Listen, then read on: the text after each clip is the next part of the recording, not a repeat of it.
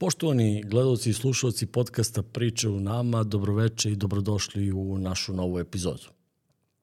Pre svega, hteo bi da pozovem sve naše gledalce da se subscribe-uju na naš kanal, jer statistika kaže da preko 70% pregleda nam dolazi od ljudi koji nisu subscribe-ovani, a nama je to izuzetno bitno zbog YouTube algoritma.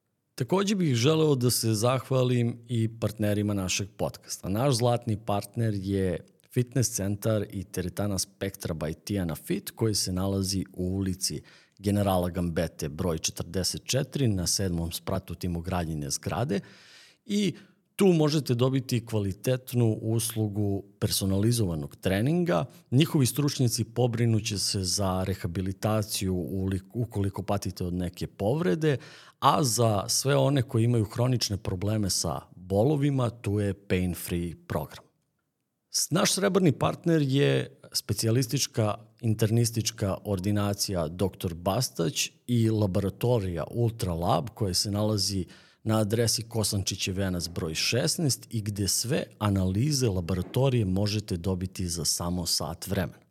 Takođe bi se zahvalio još jednom srebrnom partneru, to je Kuća dobrih sireva ili Cheese House 019 Zaječar koja se nalazi u ulici Ljube Nešića 99 i koja nudi širok asortiman staroplaninskih i pirotskih sireva. To je još jedan naš srebrni partner, a to je kopirnica Master Copy koja se nalazi u pasažu iza robne kuće i koja nudi najjeftinije kopiranje u gradu Zaječaru. A sada je došlo vreme da predstavimo i našu večerašnju gošću. Naša večerašnja gošća je poreklom iz Zaječara, tačnije iz sela Trnavac pored Zaječara. Ona je završila pravni fakultet u Beogradu i ušla u preduzetničke vode. Danas vodi jedan od najpoznatijih portala u svojoj struci stetoskop.info i jedan je od suosnivača vinarije 100 žena. Svoju priču večeras Milica Milošević nam priča za 10 sekundi.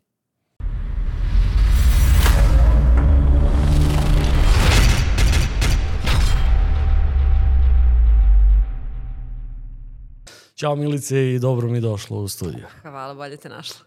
A, interesantno, dok sam, dok sam se spremao za, za ovu emisiju, a, došao sam do zaključka da je u ovoj emisiji što se tiče preduzetništva do sada bilo četiri ili pet žena, nisam imao ni jednog muškarca wow. što se tiče što se tiče preduzetništva i jako mi je drago zbog toga, ali me interesuje tvoje mišljenje da li misliš da a žene a, više vrednuju marketing kao takav i pojavljivanje, da li su opuštenije da pričaju o tome kako su došli u biznisa ili a, onaj svet koji smo do juče nazivali muški svet i nije više tako muški. Uh, pa to je verovatno miks jednog i drugog. Uh, ja, često se dešava u poslednje vreme, pogotovo u poslednje neke dve godine, možda je čak korona to i ubrzala. E, mnogo se priča o tome da žene imaju nepovoljan položaj, da, da je preduzetništvo, to jest bilo koji posao, bilo koja profesija e, vrlo okrenuta muškom svetu itd. Ali moram da priznam da verovatno taj krug u kojem ja živim, taj bubble, da ga tako nazovemo, e, nije baš takav, vrlo je ravnopravan. I kada govorimo o preduzetništvu ili, ili bilo kojoj profesiji gde žena može da bude ramu uz ramu sa, sa muškarcima, gotovo svaka profesija je takva. Uh, ja volim da kažem da svi imamo iste prilike i šanse dokle god se gleda znanje i postignuće, to jest rezultati. Uh, žene su možda opuštenije i verovatno nam i Instagram i sve ove nove mreže, TikTok da doveo do toga da se više snimamo, više danas. slikamo i tako dalje. Evo i danas smo najavili ovo, ovo gostovanje. Uh, PR je važan, ako pričamo o ovom vidu, vidu predstavljanja poslova, važan je i besplatan je i svaki minut koji možeš da dobiješ u bilo kom mediju uh, gde možeš da govoriš govoriš o onome što radiš treba da iskoristiš ako je to naravno u skladu sa tvojim vrednostima, tvoj podcast je apsolutno u skladu sa mojim vrednostima i verujem sa, sa, prethodnim, sa vrednostima prethodnih sagovornica. A, a, a da li se menja? Pa ima puno žena preduzetnica oko mene, zaista, zaista veliki broj i verovatno i, i, i vidiš da ima puno i tih nekih konferencija okrenutih ženama, udruženja itd. A, verujem da je miks jednog i drugoga, a možda su i muškarci se malo opustili pa i džentlmenski prepustili ženama da, teren. da, da, da, teren da, da govore. Verujem verujem da, da možda malo treba da, da ne ispadne sad diskriminišeš muškarce, pozovi nekog čoveka da priča o svojim postignućima. Hoću sigurno, čak sam izvao, ali nemam taj odaziv kao što imam, A, kao dobro, što imam kod žena. Dobro, dobro. Evo da ih pozovemo sada, nemojte da se plašite, dođite. E, a, ja bih krenuo negde od, od nekih tvojih početaka. Mm -hmm. ti, si, ti si iz Zaječara. A, Iz Trnavca, Iz Trnavca. tako je. Dobro. I sad sam došla iz Trnavca, I, pravo. I sad se tamo igra uskršnji turnir. Je sutra, tako je. Sutra. Tako je, tako je. Dobro. A, iz Trnavca a, otišla u Beograd tamo na studije, ali ajde da krenemo od toga koju si osnovnu školu, koju si srednju školu završila, a kako si odabrala, a, ajde da kažemo, tvoje formalno obrazovanje, pošto tvoje formalno obrazovanje ima malo veze sa onim čime se baviš. Minimalno. Minimalno. Pa me interesuje ti neki početci, zašto si to odabrala, kako je došlo do toga da, da okreneš stvari u svojoj karijeri. E, pa, s obzirom da sam iz Trnavca, osnovnu školu sam završila u Trnavcu, to je seoska škola za koju iskreno Jel ona i dalje radi? Nisam sigurna. Evo sad, ja mislim da, da ne radi ili ima mm, izuzetno mali broj ljudi, dece ide sada, ide sada u tu školu, ne izgleda dobro, tako da mislim da nije bezbedna trenutno. Verujem da, da, da ovaj, trenutno mm, nije otvorena. Uh, Zajač, Tr- Trnavačka osnovna škola Dositej Obradović u tom trenutku je u moje odeljenje, moj razred, jedan, jedan razred, jedno odeljenje, uh, bilo nas je petoro. I, Jel je to istureno odeljenje Vražogrnačke škole? Jeste, jeste, jeste. Zapravo je ovaj, istoreno odeljenje Vržogranačke, Vržogranačke škole i e, prva četiri razreda se, se išlo ovaj, u Trnavačku školu. Obožavala sam tu školu. I nakon toga, i mislim da je u tom periodu, evo baš sam sa mamom jutro spričala o mojoj učiteljici Desanki Tomić, koja je mene naučila da lepo pišem, da recitujem, koja je prepoznala kod mene taj talent za pevanje, jer sam se time bavila dugo. Ove, negde mi je mnogo značila kasnije u životu i mislim da sam mnogi radne navike upravo stekla u toj Trnavačkoj školi. E, nakon toga od petog do osmog razreda Vražogrnačka škola koja se takođe zove Dosti- Obradović, e, pa ono kad, znaš, pričaju roditelji stari e, kako sam išao preko planine po snegu u školu i tako dalje, znači Trnavac Vražogranac je neka tri kilometra, pa kad nije bus išao, išli smo po snegu, preko brda i tako dalje, eto imam, tu priču za, za decu. Kada sam završila osmi razred, otišla sam, u, došla sam u gimnaziju, preselila se u, u, u Zaječar. Zašto gimnazija? Gimnazija zato što je moj rođeni brat upis, već bio gimnazijalac i negde je bilo logično da eto, ja upišem ove, istu školu. Nisam znala ni za šta drugo. Imala sam sklonosti i ka prirodnim i ka, ka društvenim naukama, ali eto jezički smer u tom trenutku se opšti smer ukinuo, tako da sam otišla na jezički smer i da, bila sam đa generacije Vukovac itd. i osnovnoj i srednjoj školi. Zašto sam upisala prava posle toga? Iz istog razloga moj brat je upisao prava, moj otac je pravnik, ja ništa drugo nisam znala. Verovatno da je tada postojalo ovo što sada postoji karijerno usmeravanje i da me neko u tom trenutku istestirao i rekao, ok, možda bi trebalo da upišeš ekonomiju ili fon ili šta god da je, da se pokazalo kasnije da su bile moje sklonosti i možda neki talenti, afiniteti koje nisam mogla da razrađujem ovde, ovaj, možda bih se drugačije opredelila, ali u tom trenutku to je bilo sve što sam ja znala i videla u svom okruženju, sasvim logično. Moj cilj je bio da odem u Beograd, iako su svi moji bili protiv toga, moj brat je studirao u Nišu, logično je bilo bliže, jeftinije, iz svih razloga je Niš bio bolja opcija za, za moje roditelje, ali sam ja samo Beograd videla, otišla, položila prijemni, upisala pravni fakultet i više se nikada vratila nisam, tako da, eto, tako. Sem za praznike. Sem za praznike, da, da. A kako dolazi do toga da uh, završavaš pravni fakultet, Mhm. odličan si student i kako dolazi do toga da odabereš drugu karijeru, odnosno da se ne baviš Da, advokaturom ili pravom? Da, da, bila sam dobar student, ali mene pravo uopšte nisu interesovala. I to je bila strašna spozna, po- spoznaja s obzirom da je to težak fakultet, odvratan fakultet, mnogo učiš, čitaš e, one knjige debele, išćoraviš se tamo po onoj čitonici.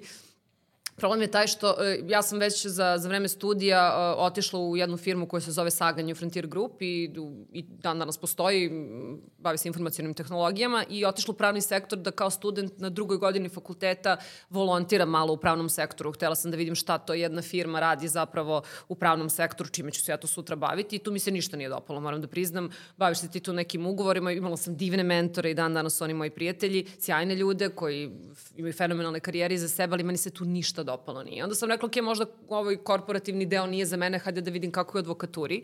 I onda sam imala sreću da Igor koji je uh, advokat krivičar ovaj, me poveo par puta na neko suđenje, ja sam bila fake pripravnica u tom trenutku i meni se jako dopala jer krivica je interesantna, koliko god želiš da bude zanimljiva na suđenju, ali nije mi se dopao život pre i posle sudnice, zato što ti pregovaraš, radiš naplatu, vodiš firmu, zapravo je advokatska kancelarija jedna firma u kojoj ti brineš, juriš klijente, naplatu, sve ono što, što je bilo koja druga firma radi. I onda sam shvatila da to možda nije nešto što mene zapravo interesuje. I, i već u trećoj godini fakulteta, početkom treće godine sam uh, postala član ISEC studentske organizacije i u toj organizaciji sam se bavila prodajom i odnosima sa klijentima. E, zapravo smo kao studenti prodavali stručne prakse i na te prakse dovodili ljudi iz inostranstva. Tako da smo imali i HR i, i da kažemo odnose sa, sa organizacijama Jesi u drugim li ti išla na neku praksu? Jesam, jesam, da. Kada sam završila tu svoju ISEC karijeru posle jednog godinu dana rada sa korporacijama i ozbiljno sam se bavila, baš sam juče na Instagramu ovaj, okačila neki citat nekog čoveka sa Twittera koji kaže da je hladna prodaja najbolja, najbolja zapravo stvar koju možeš da radiš u 20. jer nema ništa što će proaktivnije da te gurne u biznis i da te tera da prodaš svoju ideju. Ja sam se time bavila. Uh, kada sam završila godinu dana te karijere, otišla sam u Tunis i bila sam 3-4 meseca u Tunisu radila sam na jednom projektu nacionalne geografije. Pisali, putovali smo uh, po Tunisu, ali, ali išli smo u one uh, zabačene delove koji nisu turistički. Pa smo iz tog razloga išli na ribarenje, išli smo u, živjeli smo u Sahari, u Aziji, imali potpuno neka čudna iskustva. Ba, išli smo u banje u Tunisu, za koje ti ošte ne znaš, nisi čuo da postoji. Nisam otišla u Jasmin Hamamet, koje recimo letovali što uopšte za sve to vreme. I pisali smo članki, bilo je 60 studenta iz celog sveta i dragoceno iskustvo. I dan danas imam prijatelje u celom svetu sa te prakse, jer smo svi bili u isti godina, sličnih godina. Živeli smo u, u jako teškim uslovima, u nekom domu sa pacovima, haos. Znači, totalno je, ovaj, da kažem, životna jedna priča bila, ali smo stekli e, fenomenalno iskustvo, pisali smo te članke i onda National Geographic to objavljivao mesečno, nedeljno, kako god je već to išlo. I to je bilo sjajno meni iskustvo, ono nije bilo toliko korporativno, više je bilo, da kažem, uh, bila je praksa gde, gde sam ja žela da upoznam drugu kulturu. Ja sam žela da odem u muslimansku zemlju jer ništa nisam u tom trenutku znala ni o veri. Otišla sam za vreme Ramazana, živjela sam Ramazan tamo. Onako vrlo jedan surov svet, potpuno drugačiji. Shvatila sam šta je loš položaj žene potpuno sam, da kažem, ušla u potpuno jednu drugu kulturu i, i bilo mi je dragoceno, zapravo ISEC to mi služi. A još kažu da je, da je Tunis i najbliži po... Odličan je šta sve postoji, da, da, da, da. S tim što je ovo bio jedan malo zabačeni taj grad Sfax, gde sam ja bila locirana industrijski grad, blizu mora, ali industrijski grad i, i Malčice, da kažem, nije baš toliko turistički, čini mi se da je Tunis kao glavni grad Tunisa mnogo razvijeniji u tom smislu, mnogo otvoreniji. Um, da. Jeste, izuzetno lep grad, Tunis. I, tako je, ta, Tunis je lep grad, jeste. O, ovaj, nakon toga sam se vratila i dalje sam studirala, uh, onda sam sve vreme paralelno radila, ali sam u ISEC-u stekla neke alumnije, ljudi koji su već bili ranije članovi, a moji klijenti u tom trenutku kupovali su te prakse, da kažem, od, od nas. Uh, čovek Vladimir Živaljević, koji je danas moj partner u stetoskopu, uh, je rekao, ok, ajde, čuo sam da, pošto sam ja puno radila kao hostesa ili ne znam, za različite neke brendove u tom trenutku kao student, on je rekao, hajde dođu u jednu moju firmu da s vremena na vreme imamo zapošljavanje, da radiš HR, eto, volao bih da, da vas par klinac istu, zaista kao prosto angažujem s vremena na vreme. I to je delovalo meni super u tom trenutku uh, i neka brza lova koja je bila zanimljiva. Radili smo neke projekte koji su bili smisleni. E, nakon toga ja i dalje kao student ulazim u projekat Američke privredne komore koja je tada druga generacija tek bio, sada već deseta generacija MCHMS. Uh, to, su, to je mentorski program da ti dobiješ mentora iz neke velike korporacije, moj mentor je bio iz NISA, ovaj, i ti imaš neki program od godinu dana gde vi radite na nekom projektu zajedno sa ostalim studentima. Uh, tu sam dobila ponudu od jednog, uh, jednog sponzora za zaposlenje. Kada sam videla tu ponudu, ta ponuda je bila too good to be true, što bi se reklo, ali jeste bila atraktivna i onda sam pozvala Vladimira i rekla, ok, ja sam dobila ovu ponudu i završavam fakultet fazno za mesec dana. Uh, ukoliko ti nećeš da me zaposliš, ja sam otišla vamo. Ovde odlazim zato što je, ok, sigurica, dobila sam posao, mislim samo odem i kažem dobar dan, dobra je lova, ali ono što želim od tebe, želim mentora, jer ja znam da narednim godinama ne treba da radim za lovu, ok, bitno mi da mogu da preživim, ali nije mi najvažnije da zaradim lovu, treba mi mentor. I on je rekao, uh, koliko, ti, koliko ti je para ponuđeno? Ja ću sad lupiti 1000 evra recimo plata, što je bilo nenormalna plata i dan danas jeste ovaj, za, za tako nešto. On je rekao, uh, super, sutra krećeš da radiš, imaš minimalac. Ispustio mi slušalicu i ja sam se sutradan zaposlila otišla u ovakva butik koja je prodavnica keramike. Ali je zapravo iza toga već bila moja ljubav prema stetoskopu, pričat ćemo o tome još. Ja sam ovaj, zapravo prvi put došla kod njega i rekla, ok, ja hoću da mi daš da mi pokloniš ovaj stetoskop, pošto sam znala da je on jedan od partnera u stetoskopu, da mi pokloniš jer vi tu ništa ne radite, a ja ću to sve da promenim sa tim. I on je rekao, ti si balavica, jedna ne znaš ništa o preduzetništvu i dok ne budeš naučila neće ti ništa dati, ne može, ne, neće niko ništa ni da ti da, možeš samo da zaslužiš, kupiš firmu ili kako god, već tako je bilo. A, interesantna priča, a bilo bi interesantno za, za posebno za mlađe mm -hmm. ljude koji, koji slušaju ovo da kažeš, a, navodiš to da si htjela mentora. Zašto je mentor u poslu bitan? Ne možeš ništa da radiš bez mentora. E, ja sam veliki neću reći protivnik, ali ne verujem u networking. I ljudi kada kažu idemo na neki event da networkujemo, to je bullshit u pravom smislu te reči. Um, zato što ti odeš tamo negde gde je loša atmosfera, vrlo je stif, ili znaš ko je ko, ako se zna ko je neka zvezda, onda su svi oko njega, ako ne prepoznaš potencijal drugih ljudi i tako dalje. Uh, ja ništa u životu svom ne bih napravila da nije bilo mentora oko mene. Ja dan danas imam mentore koji su em iz biznisa, pa da kažem logično učit ću neke korporativne stvari od njih, ali i mentore u drugim stvarima. Moj trener je moj mentor, moj drug Filip koji je uh, fenomenalan kuvar, šef, jedan od najboljih u, u Beogradu je meni mentor za, za kreativnost i, i taj pristup koji on ima manijakalan prema stvarima koje radi je, je zaista inspirativan. Uh, Ivan Minić je bio moj mentor, uh, Vladimir koji je moj partner, Goran koji je moj partner. Mnogi ljudi su na mom putu imali veliki uticaj na ono što se u toj fazi života dešavalo. Uh, tebi treba mentor da bi te poveo, da bi ti pokazao put i ne kažem ja da, da ljudi ne bi pronašli put sami, ali nekad možda mnogo stvari mogu da se skrate. Ja sam toliko prečica imala samo zato što sam slušala uh, iskustva drugih ljudi, zato što su mi oni rekli šta oni misli, iako nećeš uvek da se slažeš sa time. I drugo, ne može niko da, da te nauči kako kako ćeš ti da vodiš svoju firmu. Ti firmu vodiš prema svom afinitetu. Nemo, ti i ja istu firmu bi se vodili potpuno drugačije. To je sasvim normalno, ali neke stvari, pristupi nekim ljudima, resursima, znanjima, samo da pitaš koga da pitaš je mnogo bolje nego da lutaš i sam tražiš i ako misliš da si popio svu pamet ovog sveta, nisi.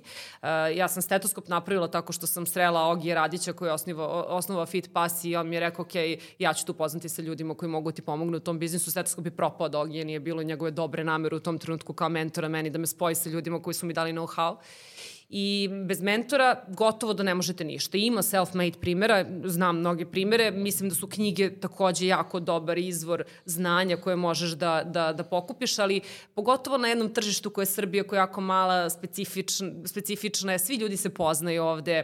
Dobro je da čuješ i kako je neko propao, to je možda najbolja stvar koju možeš da čuješ da je neko pogrešio, što su bili loši izbori.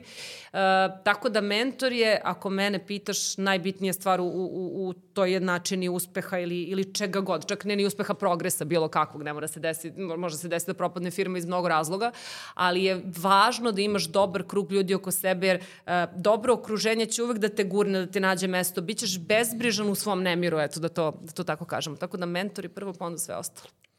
A šta se dešava kada počinješ da radiš u ovakvu butiku i šta si tamo naučila? Sve. Znači, dolazim kao pravnica, to je bilo jako zabavno. Uh, ja završavam fakultet, jako sam bila dobar student, iako me prava nisu zanimala i svi su verovali sad, ok, ja ću neku fancy advokatsku kancelariju, tako je izgledalo to ili neku firmu. I ja krećem da radim u prodavnici za one ljude koji ne znaju, ako butik je prodavnica keramike, pločica, kupatila, znači eto u tom smislu. I ja odlazim u potpuno drugi biznis građevine. E, odlazim u tom trenutku mi ostaje još jedan ispit do kraja, ja odlazim i krećem da radim bez kompjutera. Sećam se, prvi dan dolazim, naravno ja došla sa laptopom i Vlad mi kaže nema laptopa, radit ćeš bez kompjutera mesec dana. Rekao, kako to moguće? Kako budeš gledalo laptop, laptop je najbolje mesto iza kojeg može se sakriješ. Podigneš laptop i si misle nešto radiš. Nema laptop. Mesec dana sam, znači tom, tom trenutku firma postoji nekih deseta godina, 12 recimo, sve registratore firme sam morala da pročitam i da pogledam, ne zato što sad nisu imali šta da mi daju da radim, nego je Vladimir meni rekao, hoćeš da shvatiš kako firma izgleda od početka do kraja, moraš da pročitaš sve ugovore, svu dokumentaciju, apsolutno vezano za sve, isput da središ kad si već tu, pa onda kao hronološki da sve poređeš i tako dalje. Ja sam mesec dana ronila po registratorima, apsolutno, i to je bilo traumatično, ja sam htela da se izbodem nožem, verujem mi, to je toliko bilo strašno meni, ja nisam možete razumela zašto ja sad čitam neke poručbenice iz 2005. godine, koga to briga. E, međutim, to je najbolja stvar koja mi se desila posle sledeće dobre stvari koja mi se desila za koju sam isto mrzela u tom trenutku, e, jer sam zaista shvatila šta je firma od početka pa do danas. Koliko god da se firme razlikuju, sve to isto. Znači sve firme imaju neki svoj početak, neko svoje osnivanje, neko svoje prvo zapošljavanje, neke svoje greške, e, neke svoje e, ne, određivanje neke, nekog svog documentation flowa i, i toga kako će procesi da izgledaju, kako se procesi menjaju, kako izgleda kada ulazi više ljudi, kada se otvara više sektora i to je meni toliko pomoglo za stetoskop kasnije da to ne mogu ti objasniti. Nije mo, znači, nijedna knjiga nije mogla to da mi objasni. I verovatno bi se neko drugi u firmi bavio time. A nakon toga odlazim u knjigovodstvo koje nema veze ni sa onim što sam ja studirala, ni sa onim što je mene do tog trenutka u životu interesovalo i krećem da knjižim, da radim izveštaje. Radila sam od 6 ujutru da bih spremila izveštaje za 8 sati, jer u 8 sati je briefing i do uveče, dok ne ode druga smena kući. Apsolutno sam po ceo dan bila u firmi, jer je moja želja u ovakvu butiku bila da se ja dokažem da sam dovoljno dobra za stetoskop i to je bila cela ideja. Tako da sam učila knjigovodstvo naravno 2-3 meseca i to je najbolji skill koje danas imam. Pored toga što mi je skill to što sam pravnica, pa lako pregovaram sa farmaceutskim kućama koje su jako strogi u procedurama, dokumentaciji, vrlo su, uh, proveravaju sve nekoliko puta, procedure su više nego nezgodne, da, pogotovo kad, kad pričamo o lekovima, jer je tu pod kontrolom agencije za lekove vrlo nezgodno. Ove, to mi je jedan skill, a drugi skill jeste to da jako brzo pričamo o knjigovodstvu, jako dobro razumem poreze, mislim jako dobro, ne, ne kao profesional daleko od toga da, da ne bude da se sad hvalim, nego dovoljno dobro uh, da se ne plašim toga. I, I to je jako važno, jer se ljudi plaše kad kažeš jao poreska pa se ti uplašiš, jao ne znam, ugovor pa se ti uplašiš, ne, nema potrebe za Mnogi time. Mnogi ljudi imaju izuzetno loše iskustva sa knjigovođama. I sa knjigovođama, da, ja isto, ja prva. I dan danas. Evo, ako imaš dobro knjigovođu, slušam te. ove, I dan danas. Ove, ali je dobro da možeš da prekontrolišeš. Naravno da ja danas u stetoskopu ne radim, ne radim ovaj, administraciju, ali, ali tačno znam kad postoji problem na keca, znam ko je, ko je u, procesu, u procesu zezno. E, tako da odlazim, krećem to da radim i kada sam završila taj neki deo knjigovodstvenima, da sam ostala u, u izveštajima do kraja svog puta ovaj, u, u akvabutiku i kasnije se to nastavilo. Nažalost, sa izveštajima živimo i umrećemo. ovaj, a, a ovaj, nakon toga krećem da radim after sales i uh, after sales u akvabutiku znači hendlovanje zapravo kupaca nakon što su oni platili, dobili isporuku ili nisu dobili isporuku. Radila sam sa magacinom, radila popise, zimi, po snegu, vetru itd. Uh, radila jedan deo uvoza, bila sam više kao da kažem pomoć, nisam radila tu kompletnu logistiku, ali sam bila u logistici i ljudi koji su u tom trenutku radili u logistici su bili ljudi koje sam ja zaposlila u akvabutiku, radila sam znači HR. I tehnički do kraja do kraja ove, da kažem, mog boravka u Aqua butiku sam radila sve osim prodaje. U prodaju nikada nisam ušla, to je bio dogovor jer negde teško je godinama moraš da učiš da bi, da bi radimo jako puno artikala, radiš puno sa izvođačima radova itd. i rekli smo ok, to nećemo. Ali sve ostalo sam radila, bila sam desna ruka prodaje, bila sam zapravo support prodaje u svakom mogućem smislu. Poslednji deo mog boravka u Aqua butiku je bio najinteresantniji jer sam puno putovala, dobavljači su iz Italije i Nemačke I onda sam arhitekte vodila da vide fabrike, da, da upoznamo dobavljače itd. I taj, taj, tih poslednjih par meseci je bilo onako baš zabavno, intenzivno, već sam ja znala da ću otići jer sam ja šest meseci najavila unapred svoj odlazak i to je možda jedna od e, najlepših stvari koje sam uradila u ovakvu butiku i onako vrlo sam ponosna, nisam sigurna kome posavetovao, sigurno neko od mentora u tom trenutku i eto, zato je to važno. E, da kada odem iz firme ne, ne odem naglo, ne bude danas sam odlučila da sutra idem, nego da ostavim ljude, da obučim ljude koji će novi doći i da kad odem to bude mekano, da, da prosto ne bude, da, da napraviš štetu nekome ko je bio da tu. Da ne zatvoriš vrata dupetom što se Baš tako, da, ali na lep način i, ovaj, i, i, i želeli smo da, da zaista ako butik bude bezbrižan, daleko od toga da, da sam ja toliko posla radila pa da se nešto desilo, niko nije zamenjiva, ali, ali smo ušli u mnogi promene u tom trenutku i nisam htela da, da to prosto nestane, da što smo radili. I dan danas jako butik, moja kuća, obožavam akva butik, tamo je, ovaj, dobrodošla sam i brzo, blizu stetoskopa i, i tamo mi stoji vino, pa često odem i, i da, da pokupim flaš, ali akva je moja najveća ljubav i, i verujem da, da klinci treba da krenu karijeru ako žele ovakav neki put, prezuzetnički da treba da krenu karijeru u nekoj firmi gde mogu da vide sve, jer je dragocenost tako butika to što sam u jako malom sistemu videla sve. I back office i, i front koji je kao prodaja, a back office koji se stoji iz knjigovodstva, uvoza, magacina, e, ne znam, dostave, sve, svega što ide, da kažem, iza toga što podržava tu prodaju. To je sjajno jer ti vidiš celo preduzeće na timu od 15 ljudi. Me, meni je recimo fenomenalno to što e, ti kad pogledaš neke firme, pa ajde da, da uzmemo primer Zaječara, da, da uzmeš i pogledaš firme, a redko koja firma, ti si rekao da si imala jedno vreme zaduženje da hendluješ kupce nakon kupovine, Tako je. a ovde e, da, da izvršimo anketu, ja verujem da, da ljudi nemaju ni spisak klijenata i, slu, i, i sutra kad bi promenili adresu ne bi imali koga da obaveste o, o promeni adrese. To je, to je strašno. Žao mi što to čujem, ali to nije usamljen slučaj u Zaječaru, da misliš da tako nije u Beogradu. Uh, mnoge firme su se suočile sa time kada su krenule sa uh, nekim softverima knjigovodstvenim, pa sad odjednom imaš tu neku listu kupaca koja ti dnevno izlaze, su suočili sa time da nisu imali čime da napunete softvere kad su ih kupili. I uh, verujem da, da će se to promeniti. Zaista verujem da će se to promeniti zato što ti moraš da brineš, ni, nije ti sve jedno, ti o svakom kupcu moraš da brineš. I toliko će konkurencija tržišta da bude sve surovije i surovije, pogotovo sa internetom i prodajem online shopova itd.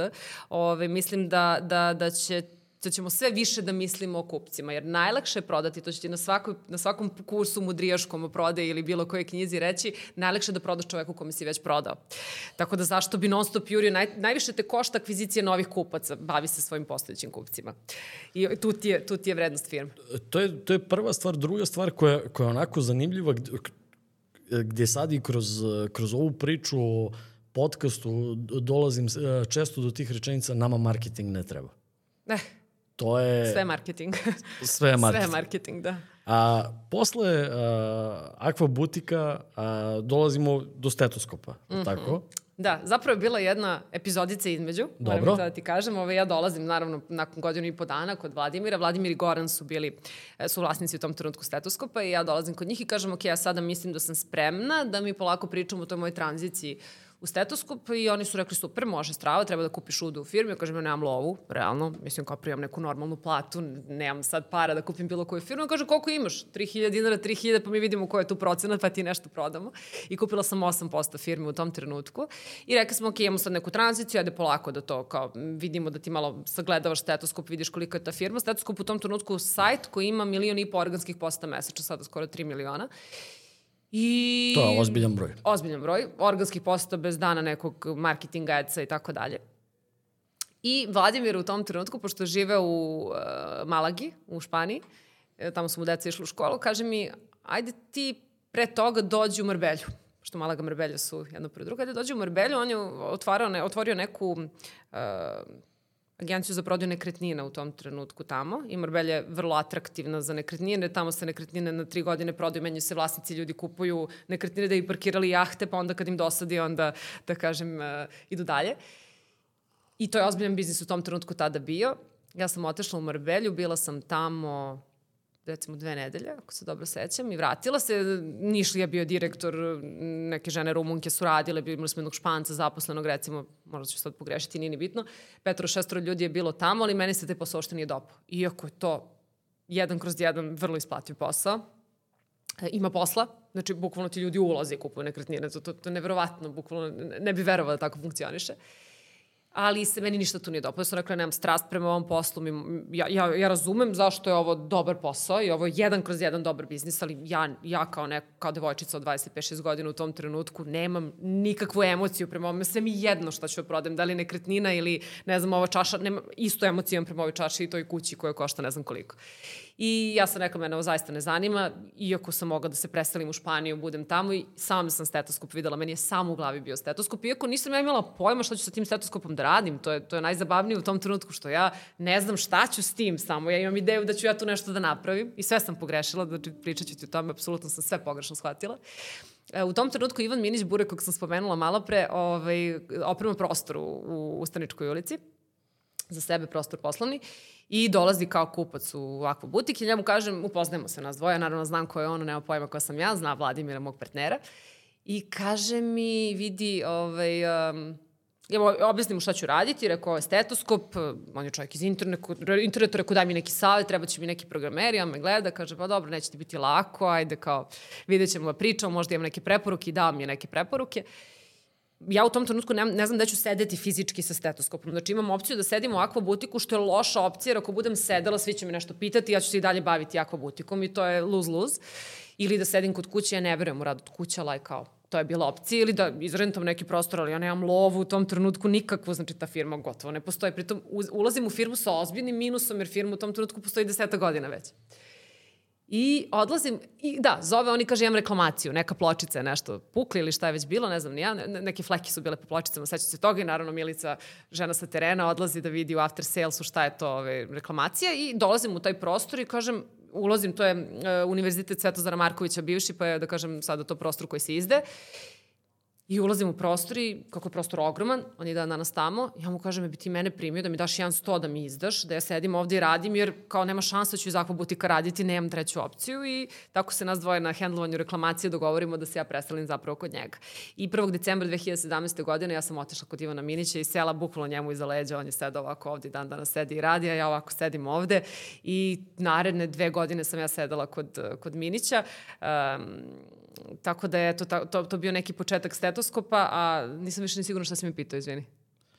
Pitao, pitao sam te za nastavak, odnosno kako da. je došlo do, do početka Do početka stetoskopa, da. O, i, I narednih, da kažem, godinu dana se bavim time da prebacim sajt na neku novu platformu i naravno poginem sa svim programerima sa kojima sam mogla na tom putu i traženju biznis modela. Jer je meni bilo logično da je... Stani. Slušam te. Biznis model stetoskopa. A, ajdemo od početka. Ajde. Znači, ja bi da a, temu stetoskopa onako dobro pretresemo. Dobro. Jer a, do sada gde, gde, što sam slušao, što si pričala, uglavnom je to bilo t, t, t, t, t, t, t, t i sve dobre stvari kažeš da si napravila greške, ali ne čujemo ni jednu grešku od tebe. E, znači, interesuje me koji biznis model si zatekla kad si krenula mm -hmm. i onda sad da vidimo evoluciju biznis modela na primeru stetoskopa. Znači ja zatešem zatičem platformu koja ima milion i po organskih posta, kao što sam ti rekla, koja je u katastrofalnom stanju, za, ne u katastrofalnom stanju, ali više ta platforma nije mogla da podrži zub vremena koji je ovaj prosto do, dokričio. I uh, ne postoji biznis model jer firma uopšte nije imala nikakve prihode.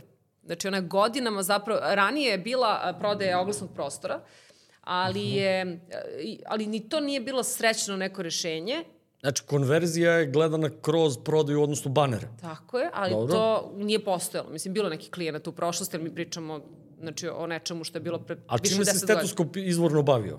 Stetoskop je bio, znači ovako, nastoje na medicinskom fakultetu u Nišu od Dobro. strane lekara, koji su u 2000 s sedme recimo rekli, ok, hajde nama treba neki sajt, jer internet tada daje lap i nema, prosto nema sajtova, ajde da napravimo neki sajt i da tu kačimo svoje tekstove, da pišemo tekstove i prosto tu negde objavljujemo i sa strane da imamo rubriku Pitajte doktora gde ćemo mi da tu nešto odgovaramo kao neki forumski tip, da kažem, sajt.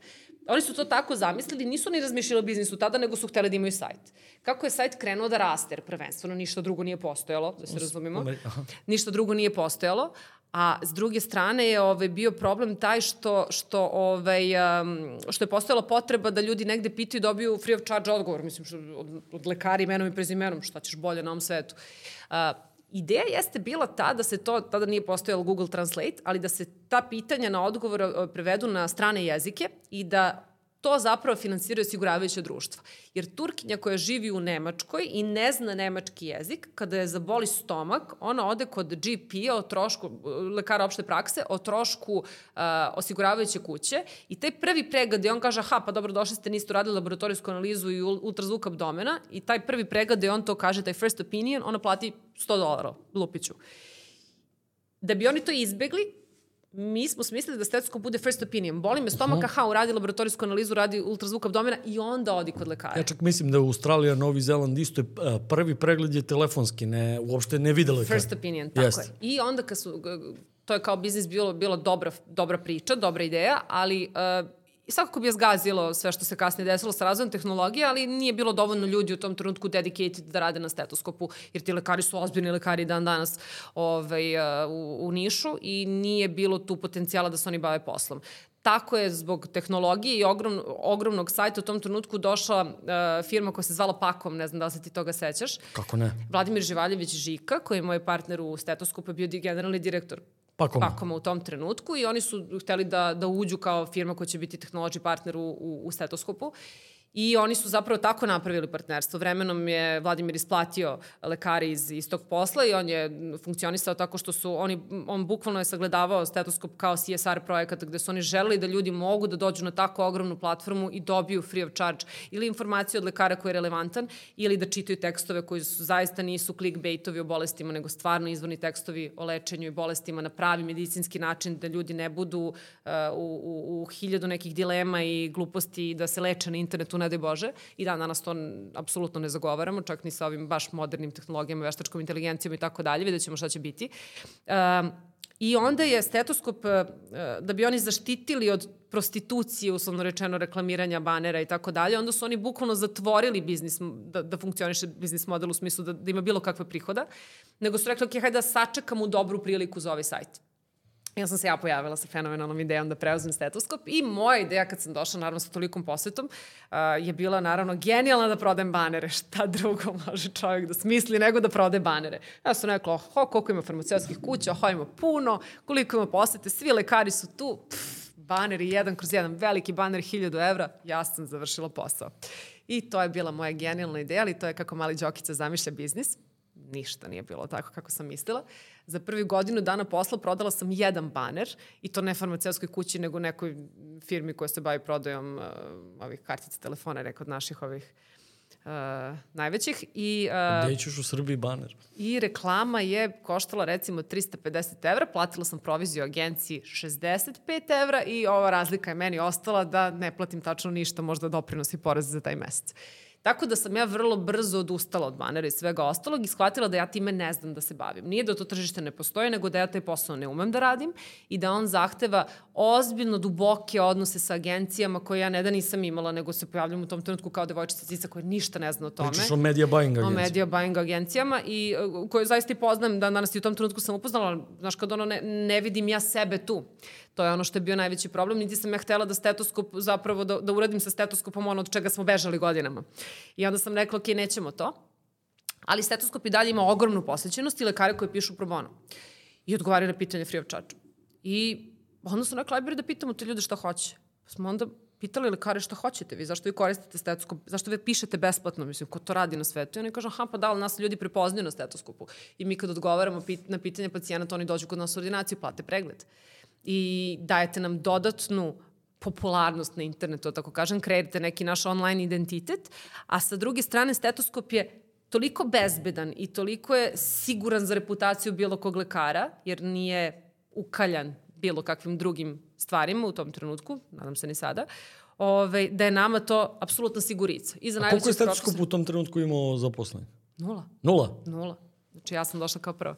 Znači, bukvalno su lekari... Samo su ljudi, znači, to, naravno, ljudi su outsourcovali server, outsourcovali ljudi koji su ono, radili neku reviziju nekog sadržaja, ali to je bilo baš, da kažem, ono, pro bono, ajde, entuzijastično da to izguramo, da to preživi. I to je baš na entuzijazmu nekih ljudi živalo.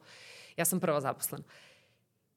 I kada smo shvatili da, da kad sam pitala lekara, ok, ali šta biste vi više od stetoskopa, oni kažu, pa idealno da nam dovedete pacijente. A biste vi to platili? Pa platili bismo. Pa koliko? Pa idealno ništa, ali ok, ako baš moramo platimo nešto. Plaćamo već marketing od koga ne znamo šta ćemo dobiti i tako dalje to mi delovalo kao ok. Sa druge strane mi nije, nije bilo, jasno mi je bilo zašto ljudi pitaju, dobiju besplatno odgovore, naravno zašto ne pitali, ali smo hteli da shvatimo da li možemo da zakažemo pregled. I uzeli smo ogledno nekog lekara koji je bio, sa kojim smo bili u super odnosima, rekli ok, ajde da probamo da ti pošaljemo pacijenta, pa eto ti nam daj neki procenat ovaj, kada budemo završili to. I onda smo bukvalno ono, jurili ljude, stavili baner, mi zakazujemo preglede, pozovite ovaj broj telefona, znači najseljački je moguće i ovaj, uspeli da zakažemo neki pregled. Ali to je dalje bilo smešno, to je bilo tipa jedan pregled mesečno. Onda kako život inače ide, ja sam poginula sa programerima jer ja ne umem da radim taj posao, ja sam pravnica glupa koja je potpuno u drugim nekim stvarima, ja ne znam ništa o informacijnim tehnologijama. I poginula sam sa tom programerskom kućom sa kojom sam radila. Jedno sam se probudila 1. januara. Naravno, imala sam genijalnu ideju da treba da lansiram novi sajt za novu godinu. To je takva katastrofa, nemojte nikad to da radite. Uh, jer sam dočekala 1. januar sa sajtom koji apsolutno ne radi i dan pre toga sam imala recimo 50.000, 35.000 recimo posta na sajtu organskih u tom danu, sutradan sam imala 3.000 i nisam znala gde je problem. I to je bilo tako strašno jedno iskustvo, ja nikad neću zaboraviti, to je bio početak 2019. godine, čini mi se, januar, ja sam tih mesec dana živela u toj IT firmi, plakala na hodniku, molila ih samo da, da, da prespoje, da to krene da radi, da, da samo da profunkcioniše sajt. Znači, ja tada nisam imala nikakvu drugu ideju ni želju, nego samo da profunkcioniše sajt. Ja smo se mi već do tada odlučili da ćemo raditi booking model, ali nismo znali kako ćemo ga tačno raditi. Imali smo nekih 15 koordinacija koje smo već akvizirali, potpisali smo ugovor, oni su već pristali da nam plaćaju, plaćaju procenat i to je radilo tako što sam ja molila moje ljude u okruženju da me zovu da zakažu pregled da bi ja išta isporučila tim ljudima, da ne bi zaboravili da postojimo. Tako A da sajt je ceo manualno pravljen ili je na nekoj platformi? Da li je... E, znaš kako, rađenje custom. Rađenje custom, custom, jer je to ogromna platforma i drugo, mi smo sad uveli modul za zakazivanje pregleda koji nije postojao ranije, koji je nama jako bitan. Mi dan danas radimo na tom modulu, kako god on bio, sada radimo novu, novi, novi, novu verziju. Uh, međutim, i dalje posao nije funkcionisao kako treba. I mislim kako treba teško je u start-upu ti kreiraš novo tržište, to tržište nije postojalo i ti ubeđuješ lekare, pritom ja sam smešna za te lekare, ja odem kod doktora, meni doktor objasni kako treba funkcioniši stetoskop i šta i pita me na kraju, hoću mu prodam stetoskop, mislim, tako su se završavali ti sastanci, ljudi mi nisu čuli jer nisu, oni su stetoskop videli kao brend i svi su znali što je stetoskop i to je divno, to je, to je super, to je velika prednost bila svega toga, bez, bez platforme ne bi Booking funkcionisao, funkcionisao danas, ali je brend u tom trenutku bio ogroman, S tim što ja sam bila neadekvatan predstavnik stetoskopa, jer ja dolazim kao neka devojčica koja se sad pojavlja u jednom medicini ko si ti, pravnica, i ona nešto lekarima prodaje, a pritom lekari imaju 5 minuta i koncentracije 2 sekunde da te saslušaju. I suje tu... I, i suje to, ajde, to nije ni tema, nisam im bila konkurencija nikakva, znaš, mislim, ja sam prosto bila devojčica cica u tom trenutku. A nema veze li ti ih učiš kako oni treba da rade? Uglavnom sam izlazila sa sastanaka tako što su oni meni objasnili nešto. Ali, ali sam imala veliku želju da to uspijem, mislim da su to ljudi prepoznali. I te ordinacije koje su prve ušle tada u tim početcima, baš u ovim početcima, su i dan danas meni, neću reći najdrži partneri, svi su mi dragi, ali, ali znaju taj put. I mnogo mi je lepo što stvarno znaju da je to tako stvarno izgledalo. I u celom tom haosu ja u nekom trenutku već imam i zaposlene i, i nešto ti funkcioniše, pa recimo imamo 10 bookinga dnevno, čisto shvatiš mi sad radimo preko 10 u satu, ali tad je bilo... Kako ste, se, kako ste se dogovorili, odnosno koji model uh, bookinga radite sa njim? Znači ovako, za, za pacijente je free of charge. Znači mi da tebi Naravno, zakažemo pregled, to naša usluga je besplatna. A kada pacijent dođe obavi uslugu kod tebe u ordinaciji, ti nama na sve što je pacijent platio, platiš 20%. Eto, to je, to je biznis model na free, fee od onoga što se desilo u ordinaciji.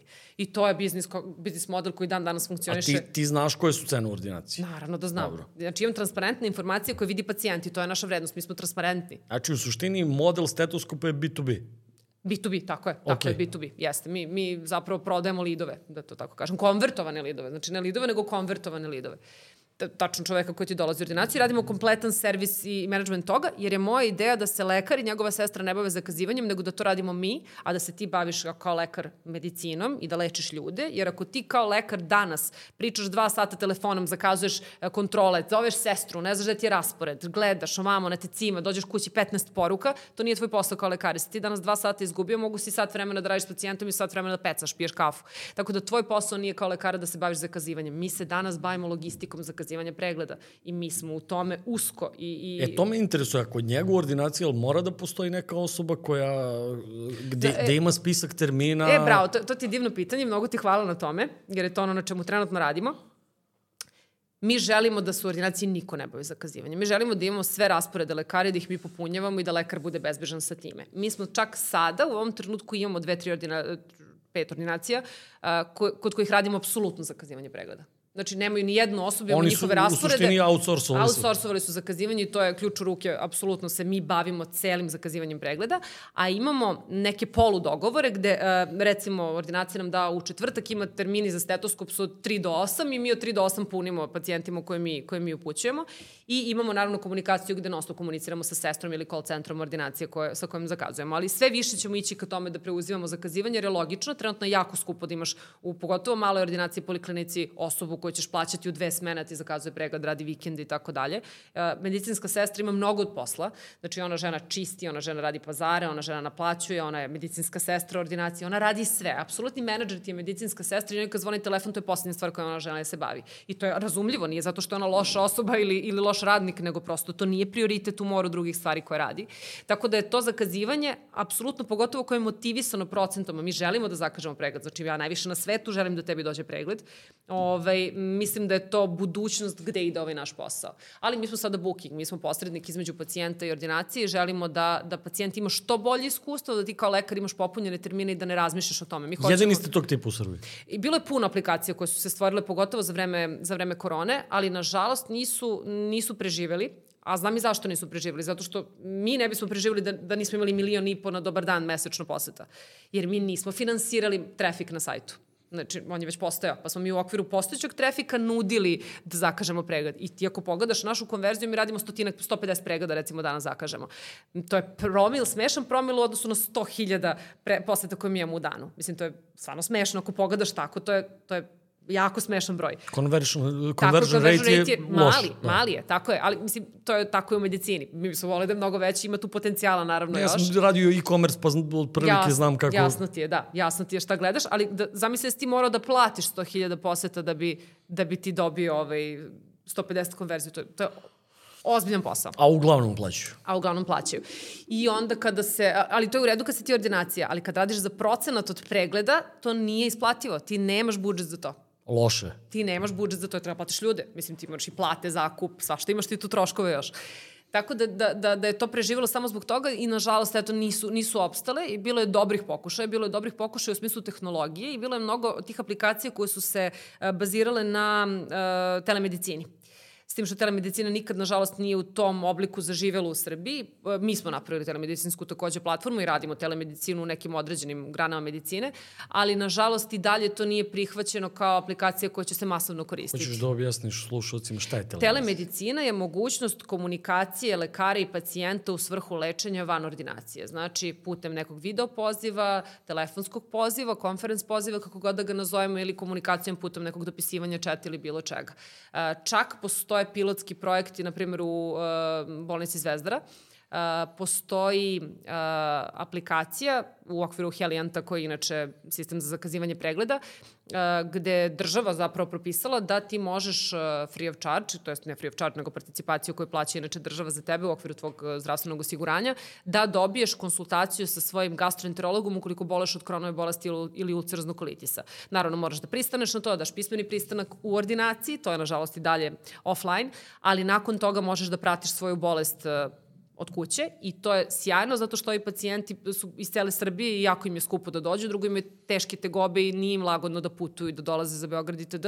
I treće štede vreme i lekaru i sebi štede vreme, jer nisu izdvojili taj dan da bi došli na, na pregled i mi smo podržali tu akciju, bili smo čak da kažem i deo toga na neki način i to sjajno funkcioniše danas, ali to je usamljeni primjer i tih pacijenata u Srbiji ima 10.000, koliko god da Zvezdara ima tih pacijenata, to je jako mali broj, recimo stotinak godišnje se desi takvih pregleda, ali je dragoceno za te ljude. I ima tu prostor, na primjer, u diabetesu koji je ogroman, i ima prostora da se prate takvi pacijenti na ovaj način. I sve izraženi, izraženi. Tako je, tako je, nažalost. Ima, ima prostora za to, jer ako ti odadeš sve analize, pa lekar te već poznaje, on tebi ordinacije ništa ne može da radi. Drugačije ako ti imaš neke bolove i tako da ti moraš da dođeš u ordinaciju. Mislim, nijedan lekar neće da rizikuje, te gleda preko bilo kakvu video poziva. Tako da telemedicina, mi smo, eto se, mi smo malo koketirali u okviru baš te kronove bolesti ulceraznog kolitisa, pa da kažem za one pacijente koji nemaju mogućnost kao što su pacijenti sa zvezdare da, da dođu do gastroenterologa svog. I eto, tu smo se negdje igrali, igrali smo se malo sa dijabetesom, eto to je ono što su bili neki pilot projekti sa naše strane koje smo radili i to je sjajno prošlo, ali i dalje to nije nešto što je pravilo, vrlo je izuzetak. I sve te druge platforme koje su se pojavile, nažalost, danas ne znam da postoji ni jedna koja, koja nešto radi. A konverzija jedina e, vam je preko bookinga ili imate i druge neke vidove konverzije što se tiče stres? Video prihoda misliš, da. da. da. Evo ovako, ako pričamo o core biznisu, on je apsolutno booking. Znači ovo što smo sada rekli, mi radimo 150 pregleda u toku dana, nisu samo pregledi, tu su intervencije, operacije, diagnostika itd. Ima tu puno stvari. Znači to je booking tim, najviše ljudi u firmi sedi u booking centru i po cijel dan zakazuje preglede, bavi se. Koliko sad imate da zaposleno? 17 ljudi u ovom trenutku. Drugi deo priče je ono što je vidljivije. I uh, meni je smešno, mi smo, kada smo krenuli da radimo, zato je bitan brand marketing, ti pričaš o marketingu, sve vreme brand je mnogo važan. I stetoskop je ogroman brand, ali kada smo mi krenuli, pogotovo ja kao pravnica iz prodavnice kupatila, ovaj, uh, koja sad ulazi u medicinu, mi smo hteli da napravimo milicu stetoskop mi smo uspeli posle pet godina da napravimo milicu stetoskop, ali smo mnogo morali da radimo na tome. I u tome da smo tražili face za firmu, nisu to morala da budem ja, mogo da bude bilo ko, mogo da bude čak i neki lekar koji bi bio naš brand ambasador, ali smo mi morali da napravimo neku osobu koju će se ljudi prirodno okrenuti, okrenuti jer u tom trenutku firma postoji 10 godina i ljudi ne znaju koga da pitaju ako im treba nešto vezano za stetoskop. Oni vide ogroman sajt i jasno im da su tu svi lekari, oni ne znaju who is who. Mislim, nije im jasno, ništa im nije jasno. I onda smo mi dan po dan, ja sam, mislim, ja imam u ovom trenutku telefonu verovatno brojeve 2000 lekara u Srbiji, oni imaju moj broj telefona i, i poznajem ljude lično i, i celu Srbiju sam uzduži popreko sve kliničke centre obišla, pričala sa svima i tako dalje, jer je meni bilo bitno da ljudi prepoznaju koja je osoba koja mogu da se okrenu kad im nešto treba i mislim da smo to uspeli da uradimo. E, iz svega toga krenuli su neke druge stvari. Znači, moja e, egzibicija sa, pro, sa banerima je propala i to se nikada nije obistinilo. Nakon toga je došlo nešto što je dan danas popularno, native tekstovi, PR-ovi i tako dalje, ali mi, nažalost, nikada nismo agresivno ušli u to. Nažalost, zato što postoji tržište za, sto, za to i, nažalost, zato što mi to jako dobro radimo. I, i radimo nekom malom obimu za neke projekte koje radimo, ali, ali u principu mislim da tu postoji potencijal za širenje stetoskopa, jer mi radimo ozbiljnu tu uredničku politiku medicinskih tekstova i mislim da to radimo dobro. Postoji prostor da, da bude bolje, ali mi ne diramo autorsko delo, mi zapravo se bavimo uređivanjem teksta da on bude dobro optimizovan, ok, za Google, jer važno nam je da imamo veliku posvećenost, ali da to bude pismeno, pitko i to da imamo svoje pravila koje su vrlo stroga i striktna. Ali kako je krenula korona, tako su odjednom, naravno, se ordinacije zatvorile. Mi smo preko noći ostali bez posla i to je bilo zabavno, zato što su ordinacije zatvorili. Sve što smo zakazivali do tada smo morali da otkažemo, jer prosto više nije bilo posla. Ja sam ljude raspustila kuću, u tom trenutku je bilo troje u firmi. I ja sam sedela i rekla, ok, šta ćemo sad radimo? Rekao, ajde radimo PR. Kao šta ćemo? Kako ćemo? Moji partneri da, da, gruve PR jako. Rekao, ne, ne razumem zašto to radimo, ali rekao, ako mi sada vidimo da, da ne znaju ljudi kome da se okrenu, ordinacije ne rade, mi smo dnevno radili spiskove ažurne ordinacije koje su radili lekara koji su bili, ti si, ti si se sveo na jednog endokrinologa u Beogradu raspoloživog i to je bilo strašno. I onda sam ja agresivno išla na televiziju i, i pričala o tome ko je danas dostupan i šta možete danas da zakažete. I ja sam stvarno na meseci po dana, taj, to je krenulo u martu, je krenulo vanredno stanje i sve ostalo, i ja sam, boga mi, mart i april non stop bilo na TV i pričala ovakve situacije, spremite se ovako za preglede, uradite ovako i bukvalno komunicirala ono što je bio stav lekara. Ja ujutru pozovem 10 ordinacije s kojim radim, ok, pitam šta je danas aktuelno, šta je danas vaš problem i onda odem na televiziju i pričam, jer se privatna praksa malo povukla u startu iz straha, ne znajući kako će zapravo sve to da izgleda i to je logično i bilo. I onda ja koja sam neutralna, vrlo sam išla i komunicirala njihove probleme sa jedne strane, a s druge strane se obraćala pacijentima i rekla, ok, ovakva je situacija danas, pozovite ovaj broj za tu i tu informaciju. I mi smo to radili bez love, mislim da se razumemo, nije to bilo para. Međutim, mi smo, u tom trenutku sam ja već počela da razgovaram sa uh, predsednikom Udruženja za kronovu bolesti i ulcerozni kolitis Srbije, Ljiljanom Đakovićem, uh, koji je kod mene došao pre korone i pitao me da li bi ti vodila neki podcast, mi bismo tu pravili kao desetak nekih epizoda, eto da uradimo nešto kao čisto da, da, da obeležimo svojim lekarima koji su tu najvažniji. Rekao, ok, mogu, ali ne mogu se obavežem da to bude više od tih deset epizoda. Ajde, pružimo ruku na deset, to da bude to, mi se dogovorimo, nađemo klijente, sve bude super, sredimo i studio, čak on se čovjek nešto razboli, to se isprolongira korona, jedno drugo. I mi u junu te godine krenemo sa IBD podcastom samo ću da fast forward, 75 epizoda mi dalje snimamo, ništa od tih 10 prvih. I mi krenemo da radimo IBD podcast, to je prvi podcast u medicini na srpskom govornom području, sada ih ima puno, gde pričamo o dve bolesti koje uopšte nisu tako česte. Nažalost, sada već mnogo češće, ali, ali krono bolesti i ulcerazna kolitis u tom trenutku ne toliko poznate bolesti. Gde, gde počnemo da, da, da prosto imamo kao goste najveće lekare u tome u, u Srbiji, Paralelno sa time krećemo da ozbiljno se bavimo uh, osobama koji imaju diabetes jer njima treba dodatni suport i nas kreću da prepoznaju mnoge farmaceutske kuće kao neko ko komunicira dobro o, o bolestima i stanjima koje su važne, bitne, jer su znamo naravno udruženja pacijenata se okrenula ona koja su imala najveće probleme u tom trenutku. To su hronična stanja, ljudi koji su imali potrebu za, za, za terapijom koja nije bila kod kuće, nego su morali da idu u centre, to je sve bilo blokirano i mi smo morali da budemo njihov glas. Oni su iskoristili to što smo mi bili jako vidljivi u tom trenutku da, da prosto se njihov glas čuje daleko. I mi smo počeli da radimo ozbiljne kampanje, da radimo ozbiljne, ozbiljnu promociju svetskih dana, da radimo puno videoprodukcije. Radili smo fenomenalan projekat za uh, poremeće rasta kod dece, gde smo obezbedili hiljade i hiljade besplatnih pregleda dece koji imaju poremeće rasta u tom trenutku prosto nisi mogao da odvedeš dete kod pedijatra endokrinologa, nije i bilo, mislim, nije bilo termina, nisi mogao da zakažeš godinama unapred, a bolest je prosto traži hitno, hitnu reakciju. I mi smo se potpuno okrenuli tome da, da pravimo projekte koji imaju smisla. Danas u ovom trenutku stetoskop radi preko 10 projekata različitih koji se bave awarenessom na različite bolesti. Evo sad radimo hemofiliju, radimo uh, puno ove, ogojaznosti trenutno, radimo kronog bolesti ucrznu kolitis i dalje, short bowel sindrom, um, puno toga, psihička stanja, mentalno zdravlje. Znači, baš se bavimo, da kažem, bolestima koje su e, atraktivne, daleko od toga, mislim, svaka bolest ima, ima svoje boljke, pa nažalost osoba koja u tome njoj je najvažnija, ali svugde da smo našli prostora da to to napravimo neki frame oko toga mi smo napravili. Mi nismo agencija i ne radimo agencijski posao, iako delovi toga imaju agencijskog, prosto izgledaju kao agencijski posao. Naravno da imamo neku prezentaciju na društvenim mrežama, naravno da se pojavljamo u medijima, pa je to neki PR i naravno da, da, da to ima neku svoju kreativu, dizajn i td. produkciju, što, što izgleda kao, kao agencijski posao, ali mi radimo samo kontent koji plasiramo na stetoskop po našim pravilima, na način na koji znamo da će raditi i na način na koji je nama bitno da, da dođe do pacijenta. Bez bilo kakve prostitucije, bez bilo kakvog uh, promovisanja uh, stvari koje nisu istinite, gde su naši sagovornici i saradnici na tim projektima najveći lekari u Srbiji koji se bave tim bolestima. I to je nama bitno. Jer stetoskop, stetoskop prosto može da se pohvali time da, da ozbiljni lekari žele da dođu kod nas. A kako danas u, u, u, ovo vreme koje je preplavljeno informacijama, uh mhm. -huh. ali a, tačnu, istinitu informaciju je izuzetno teško naći. I nekom a, običnom korisniku interneta danas je jako teško da, da odluči da li mu, recimo, stetoskop govori istinu ili neki Miroljub Petrović pod mač batom mu govori uh mhm. -huh. istinu. Znaš kako, nikad teže nije bilo. Evo ja ću ti to reći sa time da imam privilegiju da radim sa najvećim lekarima u svim oblastima. Uh, teško je, jako je teško prvenstveno zato što se medicina iz dana u dan menja.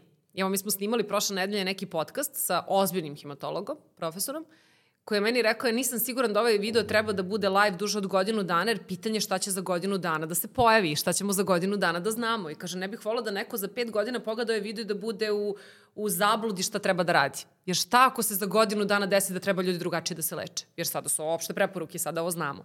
Tako da iz tog ugla je teško. Ono što ja pa da, mislim... Da, ali onda bi sve što je zastaralo treba, trebalo da skidamo sa Tako je, naravno, mislim. naravno, to je, da kažem sada već da, ovako velika filozofska dilema. Ali šta je važno? Uh, važno je da znaš ko ti je izvor. Ti kao pacijent moraš da se opredeliš kome ćeš da veruješ. Nažalost, uh, čak i u medicini, između velikih autoriteta ti imaš suprotna mišljenja i medicina nije crno-bela. Ti ćeš jednog lekara onkologa imati koji misli da treba da se leči laka na jedan način, a drugi onkolog će misliti da druga terapija u pitanju. Mi ovde pričamo o klasičnoj medicini, znači ne pričamo ni o kakvim, da kažem, uh, alternativnim načinima lečenja, nemam ništa protiv toga, ali ne znam ništa o tome, pa eto, prosto ne bih volala da pričamo na tu temu, stetoskop se prosto ne bavi time. Mislim da je važno da vidite ko potpisuje ko, konkretan tekst. Ako pričamo o takvim stvarima, zato smo se mi uvek, uh, uvek smo insistirali na tome da tekstovi budu potpisani od strane lekara koji je tekst napisao. I ti kao lekar možeš da imaš svoje mišljenje, svoj stav koji je zasnovan na nekim činjenicama, znanju, iskustvu itd. i možeš da potpišeš takav tekst. I, I ne znači da to što ti kažeš ne, ne radi ako je neko drugi napisao nešto drugo. Ali kad imaš relevantno potpisan izvor, mislim da je to dovoljno dobra prva smernica da se tu okreneš. Šta je problem? Problem su forumi gde se ljudi leče tako što na preporuku pacijenta koji boluje od iste vrste bolesti je meni ovo radilo, pa probaj ti, a vrlo znamo da je individualan pristup apsolutni prima, da kažem, apsolutni primat kada je lečenje danas u pitanju. I onda nam je važno da, da znamo ko će da ti da prvu informaciju, ali nema lečenja na internetu. Ja to moram prosto da, da, podvučem, da podvučem ovde veliki bold, znači nema lečenja na internetu, to prosto ne postoji. I um, važno je da ti imaš prvu smernicu da prepoznaš neke, da kažem, um, karakteristike sve bolesti, prvenstveno prevenciji ili reakciji na komplikaciju bolesti. Ako ti boleš od nečega, pa mučnina znači nešto, a znaš da boleš od toga i muka ti je, znači treba da kod lekara. Neće tu sad ti piše onda idi kupi taj taj lek. Znači nema toga, nego treba onda da odeš i da reaguješ na to stanje. Mi smo, na primjer, srećni sa time što smo u konkretnom projektu o poremeću rasta dece uspeli da pozovemo ljudi i rekli, ok, je se desilo, jel imate dvoje dece pa je uh, starije dete niže od mlađeg? Jel imate uh, situaciju da je dete najnižu razredu? A znate da ako vam je dete najnižu razredu, trebalo bi da ode kod pedijatra endokrinologa da se proveri. I ljudi su na to reagovali. Ali nismo mi njima rekli, e, onda ćete vi da odete i kupite taj lek. Znači, to, to nije bilo uopšte tema, niti to rešenje, da se razumemo odmah. Niti Nego to treba rekli, raditi. Niti to treba nikad, znači, apsolutno ni za šta, ni za glavobolju, a kamoli za bilo šta drugo. I onda smo mi zapravo na zdrav način pozvali, naravno u konsultaciji sa lekarima, mi smo celu kampanju radili u konsultaciji sa lekarima, nismo mi ovo izmislili, nego to zaista su preporuke nekih vodiča. I onda su ljudi reagovali i otišli kod lekara. Tako da moraš da vidiš ko ti je izvor teksta, mi se trudimo da tu budemo relevantan izvor izvor i da ti čovek koji potpisuje taj tekst nije neki novinar, urednik ili neko ko se potpisuje inicijalima. Toga nema. Znači, to taj ko nije smeo da stane autoritetom iza tog teksta nije pravi. Ne treba ga slušaš. U principu i, i, i kad čitate vesti tamo gde je potpisana redakcija fake 99%. pa moguće, da, da, nisam toliko duboko ušla, ali imala sam ja loše. De, nema, da. nema potpisa novinara, to je... Da, da, da, da. da. A 70 i nešto epizoda koliko je tebi kao pravniku bilo, bilo teško da, da budeš u tim cipelama, odnosno medicinskim cipelama i da... I, koliko je teško spremiti emisiju. Ipak da. neki da. eminentni stručnjaci dolaze kod tebe u emisiju, ti treba da znaš nešto o toj temi o kojoj pričate, Da. Nije sve jedno. Nije sve jedno uopšte. Pored toga što mi radimo IBD podcast, mi radimo jako pune produkcije u oblasti raka dojke, hemofilije, oftalmologije.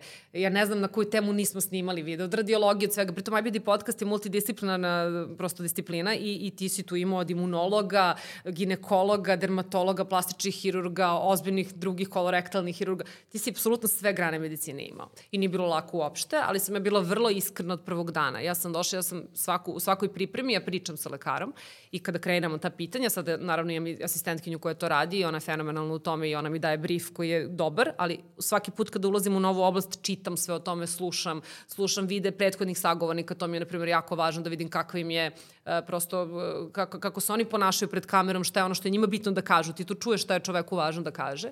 I onda u toj pripremi ja radim istraživanje sa tri strane, znači prvenstveno toga šta postoji u medijima, razgovaram sa lekarom vrlo otvoreno. Ja kažem, ok, ja sam devojčica cica koja ništa ne zna, sad mi sve recite o tome šta je vama bitno da to kaže, da kažemo. I treće, pričam s pacijentima. Uvek pričam sa pacijentima ako nemam pacijenta koga po imence poznajem da, po, da od neke bolesti boluje, onda kontaktiram udruženje pacijenata. Njih, hvala Bogu, ima i oni žele da, da uvek budu tu, kao deo, deo ovaj, bilo kog projekta. Ja uvek pozovem udruženje pacijenata, jer ta strana ti je, ne, ne postoji projekat ako ti nemaš tu stranu. Ta strana ti je najvažnija zapravo. I onda kada imam sve to, imam dovoljno dovoljno svesti o tome šta želim da, da iskomuniciram sa, sa lekarom. Sada naravno da je tu praksa sve i naravno posle sto nekih kontenta koje smo napravili na, na temu zdravlja sa lekarima, mnogo mi je lakše da pričam. U startu mi je baš bilo teško i plašila sam se da neću razumeti. Desilo mi se da mi je bila jedna žena patolog i da ja stvarno patologiji ništa ne znam i ja nju ništa nisam razumela. Pola podcasta sam se apsolutno, ja, ne postoji podcast da sam ja više čitala pitanja zato što ja zaista nisam mogla da učestvujem u tom razgovoru. Ne da nisam bila sagovornik za nju, nego sam bila apsolutni promašaj za, za konkretnu moju ženu koja je bila fenomenalna i podelila neverovatno znanje, ali ja ništa ne znam o toj oblasti i nisam mogla ni da se spremim da budem iskrena. Ove, ali ono što je meni, meni sada važno, ja se baš stavljam u, u ulogu nekoga ko će da pita i nekad banalne stvari.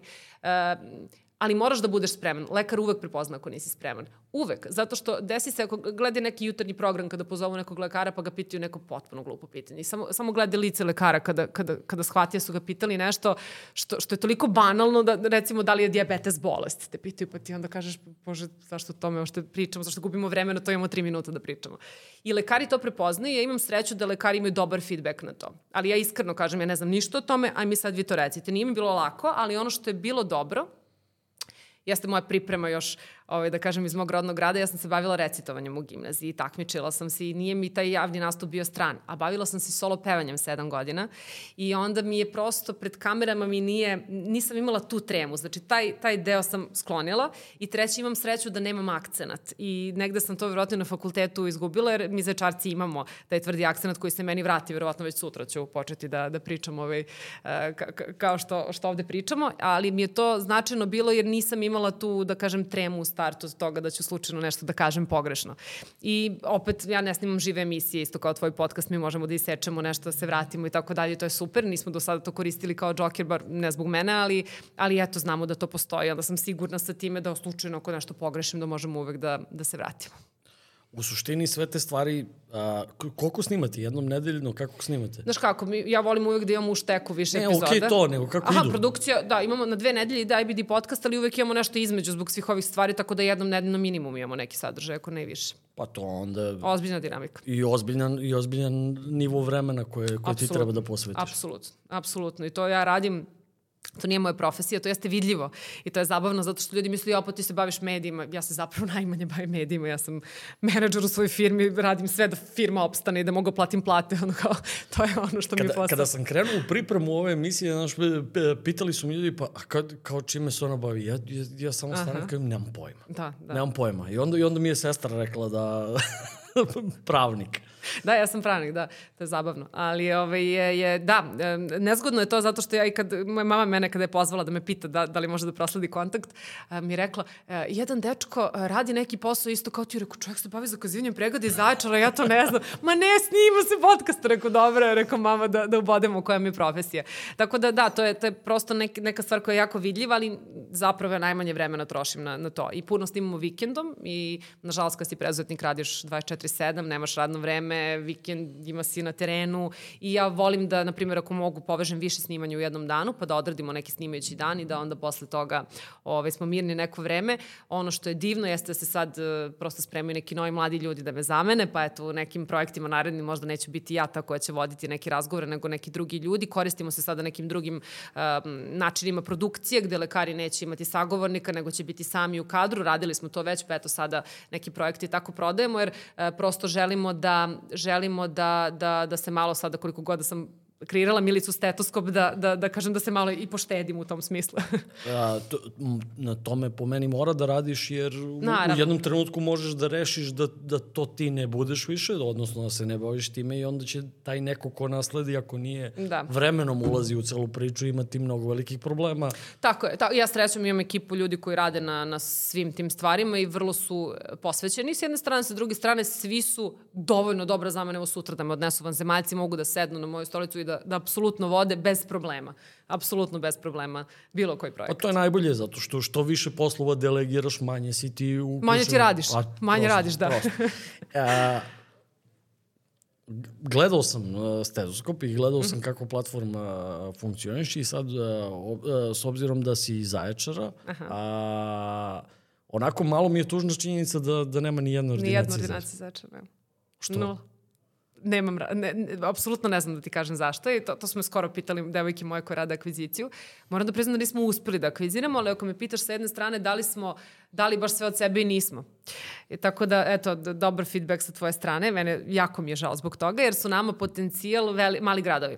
I mi najviše volimo, iako je naravno 70% posle u Beogradu, a, nama su mali gradovi dragoceni zato što tu možemo mnogo veću vrednost da pružimo jer su to male ordinacije koje uglavnom ne mogu da investiraju u marketing, ne mogu da investiraju u velike sajtove, ne mogu da budu vidljivi toliko, a imaju dosta potencijala jer se ceo, da kažem, i grad i oko grada svi leče tu. A sve ih je više a sve ih je više, tako je, i sad, da kažem, postoji neko takmičenje, ljudi imaju potrebu da se leče privatno iz mnogo razloga, tako da uh, želja mi je da, eto, pozivam sve, sve za čarce, da ćemo najbolje uslove za, ljudi za moj grad. Ljudi ne da imaju potrebu da se leče privatno, nego ono što, što dobijaju u državnom često je neadekvatno Da, nažalost, ne bih volila da, da se ovo pretvori u bilo kakvu kritiku, bilo čemu, ali, bilo kome, ali, ali eto, prosto brže, lakše, ljudi svoje vreme cene drugačije, eto, iz tog razloga žele da brže dođu do, do određenog lekara.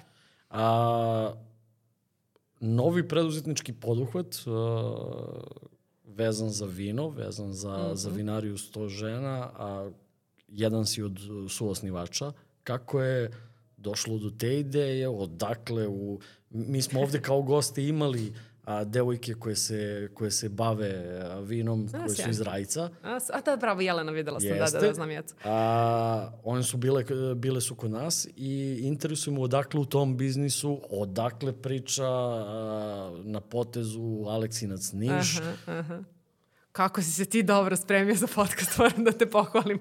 Ove, ovaj, uh, da, vino je moja velika ljubav, iako ja uh, ne, moj otac ima vinograd koji je nasledio od svog, mog deke, svog oca. I mi celog života pravimo vino, beremo vinograd, obraćujemo vinograd, znači nije mi tu ništa strano. Imamo podrum, vinski rakiju, do, znači sve evo jutro smo i tata pije špricer, mislim, naše vino. Tako da to meni ništa nije strano i, i ja nisam prosto davde do, pošla kao neko ko, ko pije vino i, i zna i što vino. I onda naravno Beograd je veliko selo, pa tamo imaš sve živo, možeš da probaš. Ja sam se nekako u nekom trenutku zaljubila u vina i pogotovo za vreme, čini mi se, Pa, vreme kad sam počela u, u, da radim u, u stetoskopu, pa nekako ove sam uh, mnogo radila, onda kad sam se provodila, izlazila i tako dalje, htela sam da uživam u nečemu i da nešto istražujem i to su bila španska vina. Ja sam iz nekog razloga krenula sa španskim vinima i zaljubila su crvena vina. Desilo se to da smo nekako došli do jedne porodice iz um, sela koje se zove Velepolje kod Niša. Uh, oni se prezivaju Jovanović i imaju malu vinariju koja se zove Izbe Jovanović i prave merlo. Došli smo nekako do njih, oni prave fenomenalan merlo, ali fenomenalan koji je pokupio sve neke žive nagrade po Evropi. Imaju mali vinograd, recimo hektar, možda malo više. i probali taj Merlot i shvatili da je to genijalan, genijalno vino u tom trenutku nas nekoliko iz povezanih pravnih lica, jer ja imam partnera u stetoskopu, pa svi oni imaju neke firme, pa sve te firme imaju neke direktore, ima tu puno žene ili, ili supruga muškaraca koji su, koji su na direktorskim pozicijama i pitali smo da li tu ima neke zemlje da se kupi, da eto mi kao nešto krenemo da petljamo i mi smo tu hteli da kupimo dva hektara, se razumemo u startu, nije bila ideja da mi budemo vinarija 100 žena. I kupili smo 2018. čini mi se, ne, ne čini mi se, nego 2018. kupili smo prvu neku zemlju, nas 5, 6, 7 sa željom da to bude to, da mi tu zasadimo neki merlo, pa eto, kako bude, bude. Nije tu bila neka ideologija, ništa. Međutim, sama činjenica da smo od starta htele da sve budemo žene, imali smo mi neku vatru da tu nešto bude, bude tako. Kako smo krenuli da pričamo o tome da smo zasadile zemlju, merlo, da je tamo super klima za merlo itd. I da smo sve žene, počele su razne žene da se raspituju zašto ja tu ne bih mogla, eto te sjajna priča, hoću da podržim. I sjajne velike žene, ozbiljne direktorke, ozbiljne, ozbiljne bre žene, ozbiljne umetnice, ozbiljne žene koje žive u inostranstvu, rade tamo na fenomenalnim nekim projektima.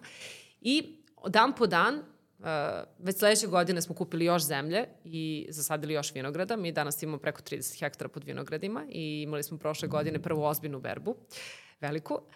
Um, moja uloga je negde bila i vidljiva je zato što sam ja od starta u tome, ja sam od prvog dana od toga kako smo kupili tu zemlju, ja sam se tu nešto, da kažem, petljala, bavila time, jurila s notarima, sa papirima i tako dalje, pa sam od, od, od osnivanja pa do današnjeg dana tu i vinarstvo i vinogradarstvo su dva odvena posla. Uh, jako teška, jako skupa, jako zahtevna, pogotovo kada o tome ništa ne znaš, mi zapravo o tom poslu ništa nismo znali, ni o vinogradarstvu, ni o vinarstvu, ali smo imali mnogo sreće na tom putu, bit ću vrlo iskrena, sa mnogo ljudi, pa si me pitao o mentorima na, na početku, u ovom poslu mentori su ti nevažni, nego ključni, mislim, pogineš u sekundi ako nemaš mentori, ako nemaš ozbiljnog ozbiljnu osobu da ti kažu šta da radiš, kako da kupiš sadnice, kako da odabereš uh, način obrade, šta ćeš da radiš sa, sa, vinom, sa grožđem, mislim, kako da kupiš mehanizaciju. Mnogo pitanja tu ima da moraš da platiš ozbiljne konsultante, ali ti ako ih platiš, to ti nije garancija, ti moraš da imaš mentora i ozbiljnog čoveka koji će dobronamerno da ti kaže. Uh, naša ideja jeste bila da pravimo super vina,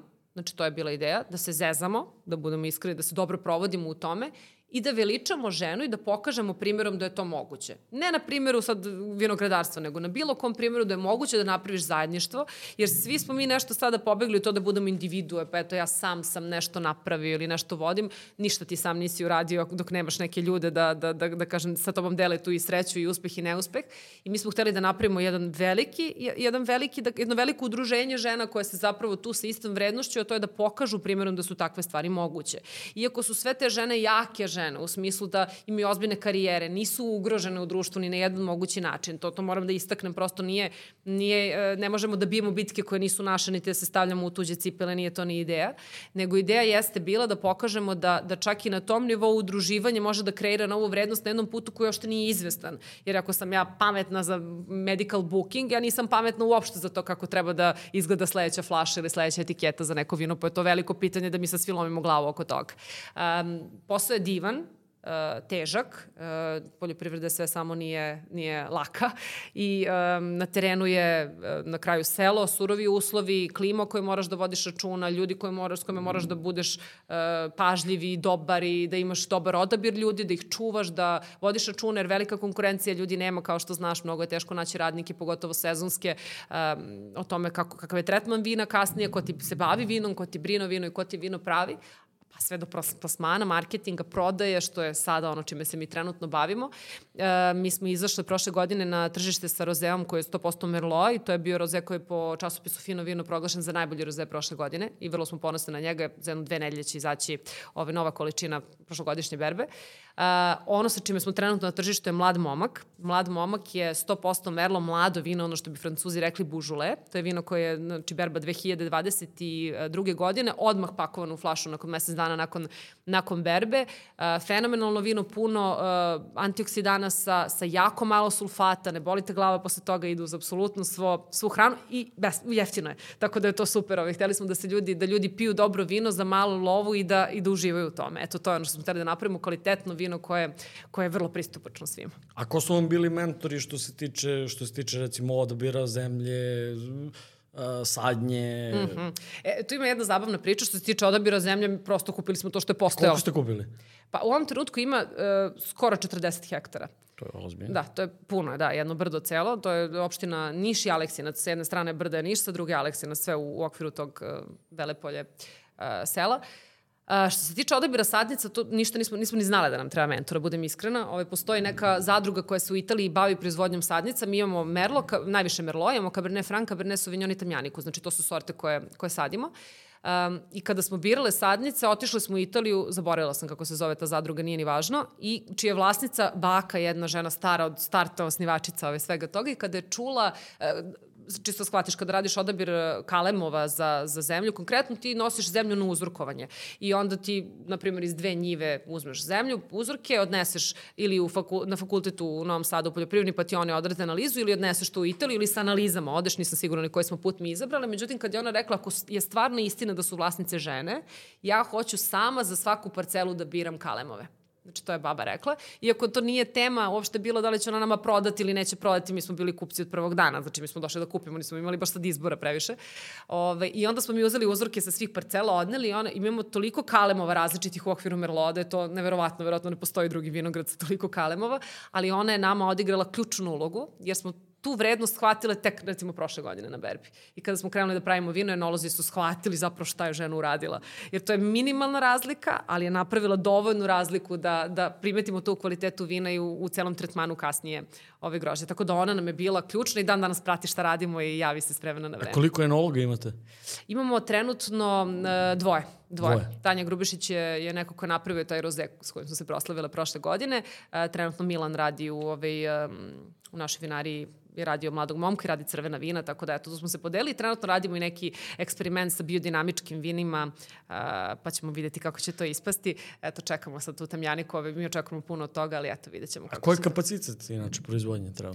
Znaš kako, mi nemamo svoju proizvodnju još uvek i trenutno smo u uh, posedima dve vinarije, Zvonko Bogdan i Toplički vinogradi, tako da koristimo njihove kapacitete. Imamo nešto od svoje, svog proizvodnog dela, nije da nemamo ništa od mašina, imamo naravno, ali nemamo prosto, u izgradnji trenutno tasting room i vinarija, tako da u ovom trenutku smo u građevinskim radovima u tom smislu, a rentamo pogon za, za proizvodnju. A imamo puno vina, ako me pitaš koliko od prethodne berbe imamo, recimo da je to preko 120.000 flaša eto da kažem, vrlo laički ovako, gde imamo najviše crvenog vina, A, pa sve mislim ostalo. da sam kod, baš kod, kod Ivana Minića slušao, uh -huh. a, e, sad ja toliko sam njegovih podcasta odslušao da, da ne mogu da se setim ko je to pričao, ali a, ne bavi se a, vinom, ali i odlično vino ima. Uh, samo za svoju upotrebu koristi. Aha. I onda je on nešto izjavio, sad ja ne mogu da, da on je izjavio da a, su mu mnogi nudili da krene u, u posao proizvodnje vina, ali da je on rekao preko 100.000 to više nije taj kvalitet. Preko 100.000 litra. Mnogo teško. Znači, mi smo zato i podelili vino na dva, ne znam ko je to bio, ko je bio gost, ali mi smo zato i podelili uh, vino, pritom tu pričamo,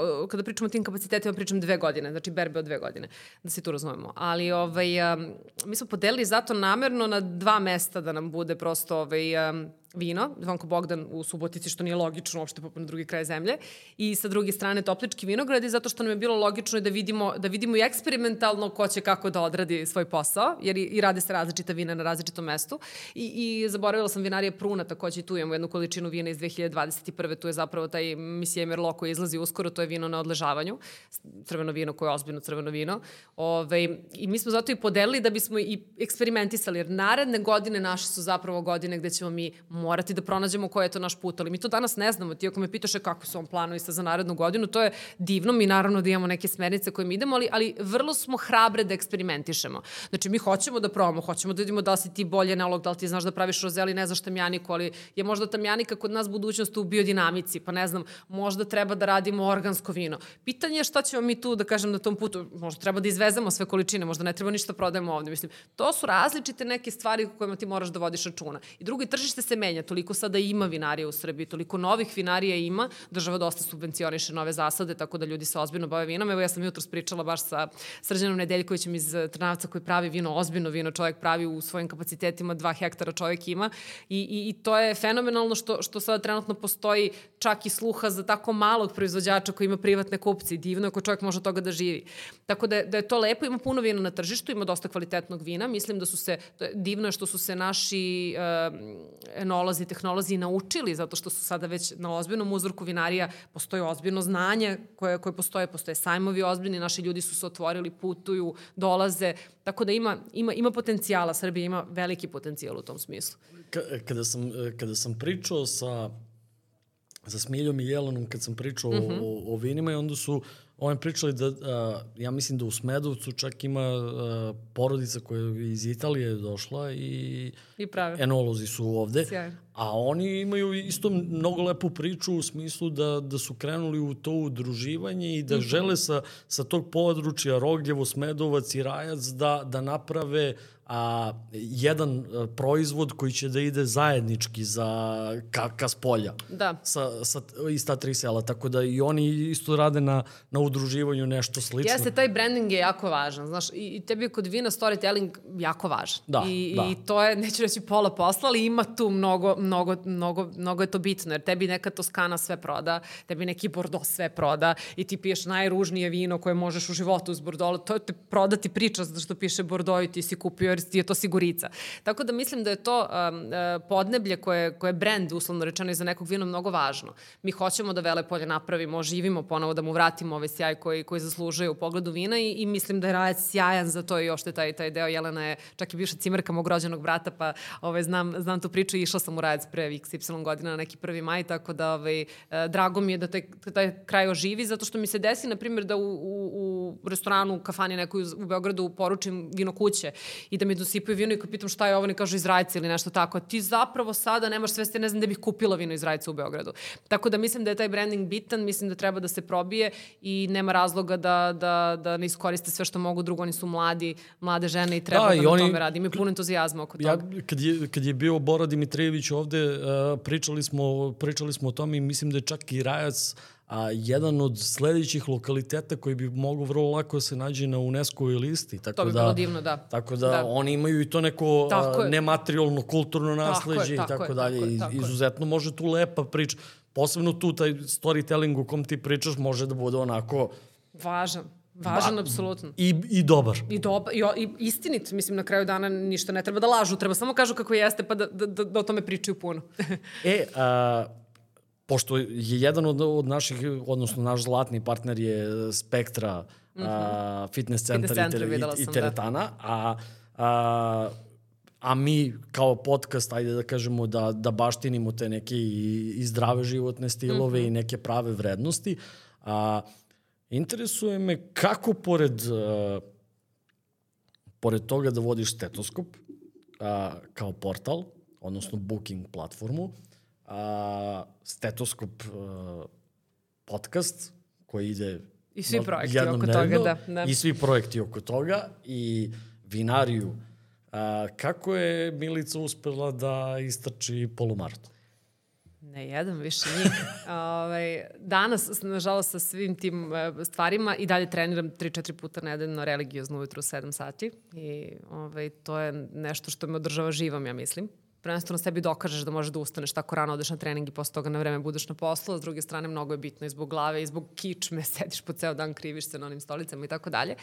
Um, ja se nikada sportom nisam bavila u osnovnoj školi, mrzala sam fizičko najviše na svetu i sad svi su nešto trenirali košarku, odbojku i tako dalje, ja ništa nisam trenirala jer sam bila onaj klasičan štreber, e, škola me samo interesovala i tako dalje i bavila sam se solo pevanjem pa sam svo to slobodno vreme zapravo je bilo usmereno na to. Um, I onda sam kada sam upisala fakultet 2010. godine, spremala ono rimsko pravo čuveno kao prvi ispit gde ili preživiš ili ne preživiš. I uh, desilo se to da sam imala nekih problema sa srcem, recimo neki tahikardija, aritmije, ništa tako alarmantno, ali recimo nešto zbog čega mi je lekar prepisao neke lekove. I ja nisam bila za to da pijem te lekove tako mlada, to je neki, ne znam nešto, neki lek za usporavanje rada srca i to mi nije delovalo kao dobra ideja. I ja sam rekla, ja ću ovo da batalim, ali hajde da ja svaki dan hodam da brzo hodam. I kupila sam ja patike, a patike nisam imala u tom trenutku za sport, eto, dotle to išla. A obično svi koji ne treniraju nijedan sport završe na trčanju. da, da, da, da, da, pa tam kao, šta će budala nego da trči. I ovaj, onda sam ja krenula da hodam i to svako veče, ono, kad se vratim sa faksa i svega, posle celog dana i ja sam živjela u kotežu tada. Imaš onaj izrenjaninski put koji je sve samo on lep put za, za hodanje, ali sam tu svaki dan hodala Pa boga mi ono nekih pola sata, sat svaki dan. Pa se to pretvorilo u to da, da je to zaista postalo svaki dan i meni je bilo divno taj ritual da ja posle celog dana eto razmišljam o tome šta je danas bilo ovaj, u tih sat vremena i onda me dosadilo mi hodanje posle nekog vremena i rekao sam ok, ajde brate da, da vidimo šta je to posle hodanja. I krenula da trčim i navukla se na trčanje onoliko da sam počela da trčim trke. To jest, počela sam da se spremam za te neke polumaratone, pa sad prvi polumaraton svi mi istrčimo na neki entuzijazam bez da znamo bilo šta, pa se malo ispovređujemo, malo naučimo neke lekcije, malo shvatimo gde je trebalo da se štedimo i tako dalje. I onda sam za, za naredni polumaraton uh, krenula da treniram sa trenerom, Igorom Krstićem, sa njim sam posle godinama trenirala. Uh, Ove, I rekla, ok, meni je ideja da, pošto sam ja sada mlada i nikad mlađo neću biti, mi pričamo tu nekoj 2014. godini, meni je ideja da ja polu, ne trčim maratone, nego polumaratone, jer ti maraton trčiš da istrčiš, a polumaraton trčiš da istrčiš neko vreme, znači juriš neko vreme. I onda sam rekla, ja sam uvek bila najsporija na tim krosovima, baš, baš nisam brza, znači imam, imam tu mnogo nekih svojih mana i visoka sam, pa to dodatno. Hajde da probamo da, da istrčimo neko moje najbolje vreme. I mi smo se spremali dobra neka tri meseca, iako sam ja ušla u, fo, u formi, mislim, nisam bez forme krenula ovaj na, na, u pripreme. I 2000, ja mislim, 14. ili 15. godine sam istračala Beogradski polumaraton za 1.44, što je stvarno brzo vreme. I bila jako ponosna na to zaista. Nastavila sam da trčim i posle toga, međutim, par godina nakon toga sam se povredila na jednom Beogradskom polumaratonu i neću da kažem da sam prestala da trčim, ja i dan danas trčim, ali ne trčim više trke.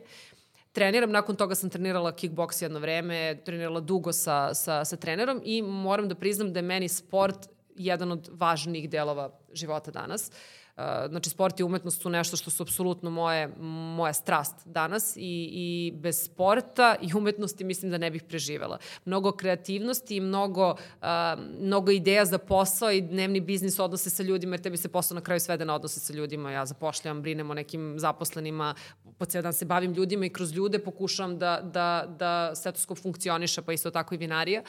I mislim da, da mnogo toga učim iz ovih disciplina. Učim kako da budem mirna, učim kako da budem uh, fokusirana, učim kako da se diskonektujem, zato treniram tako ja, rano, rano ujutru, uh, zato što mi odgovara da budem samo u teretani, da nemam komunikaciju, da me niko ne zove, da mi ne stižu mailovi, da ne budem opterećena time, ok, možda me sad neko pozove, eto ja sam na treningu. Tako da je to neka moja meditacija i apsolutno sam se pronašla u, u sportu.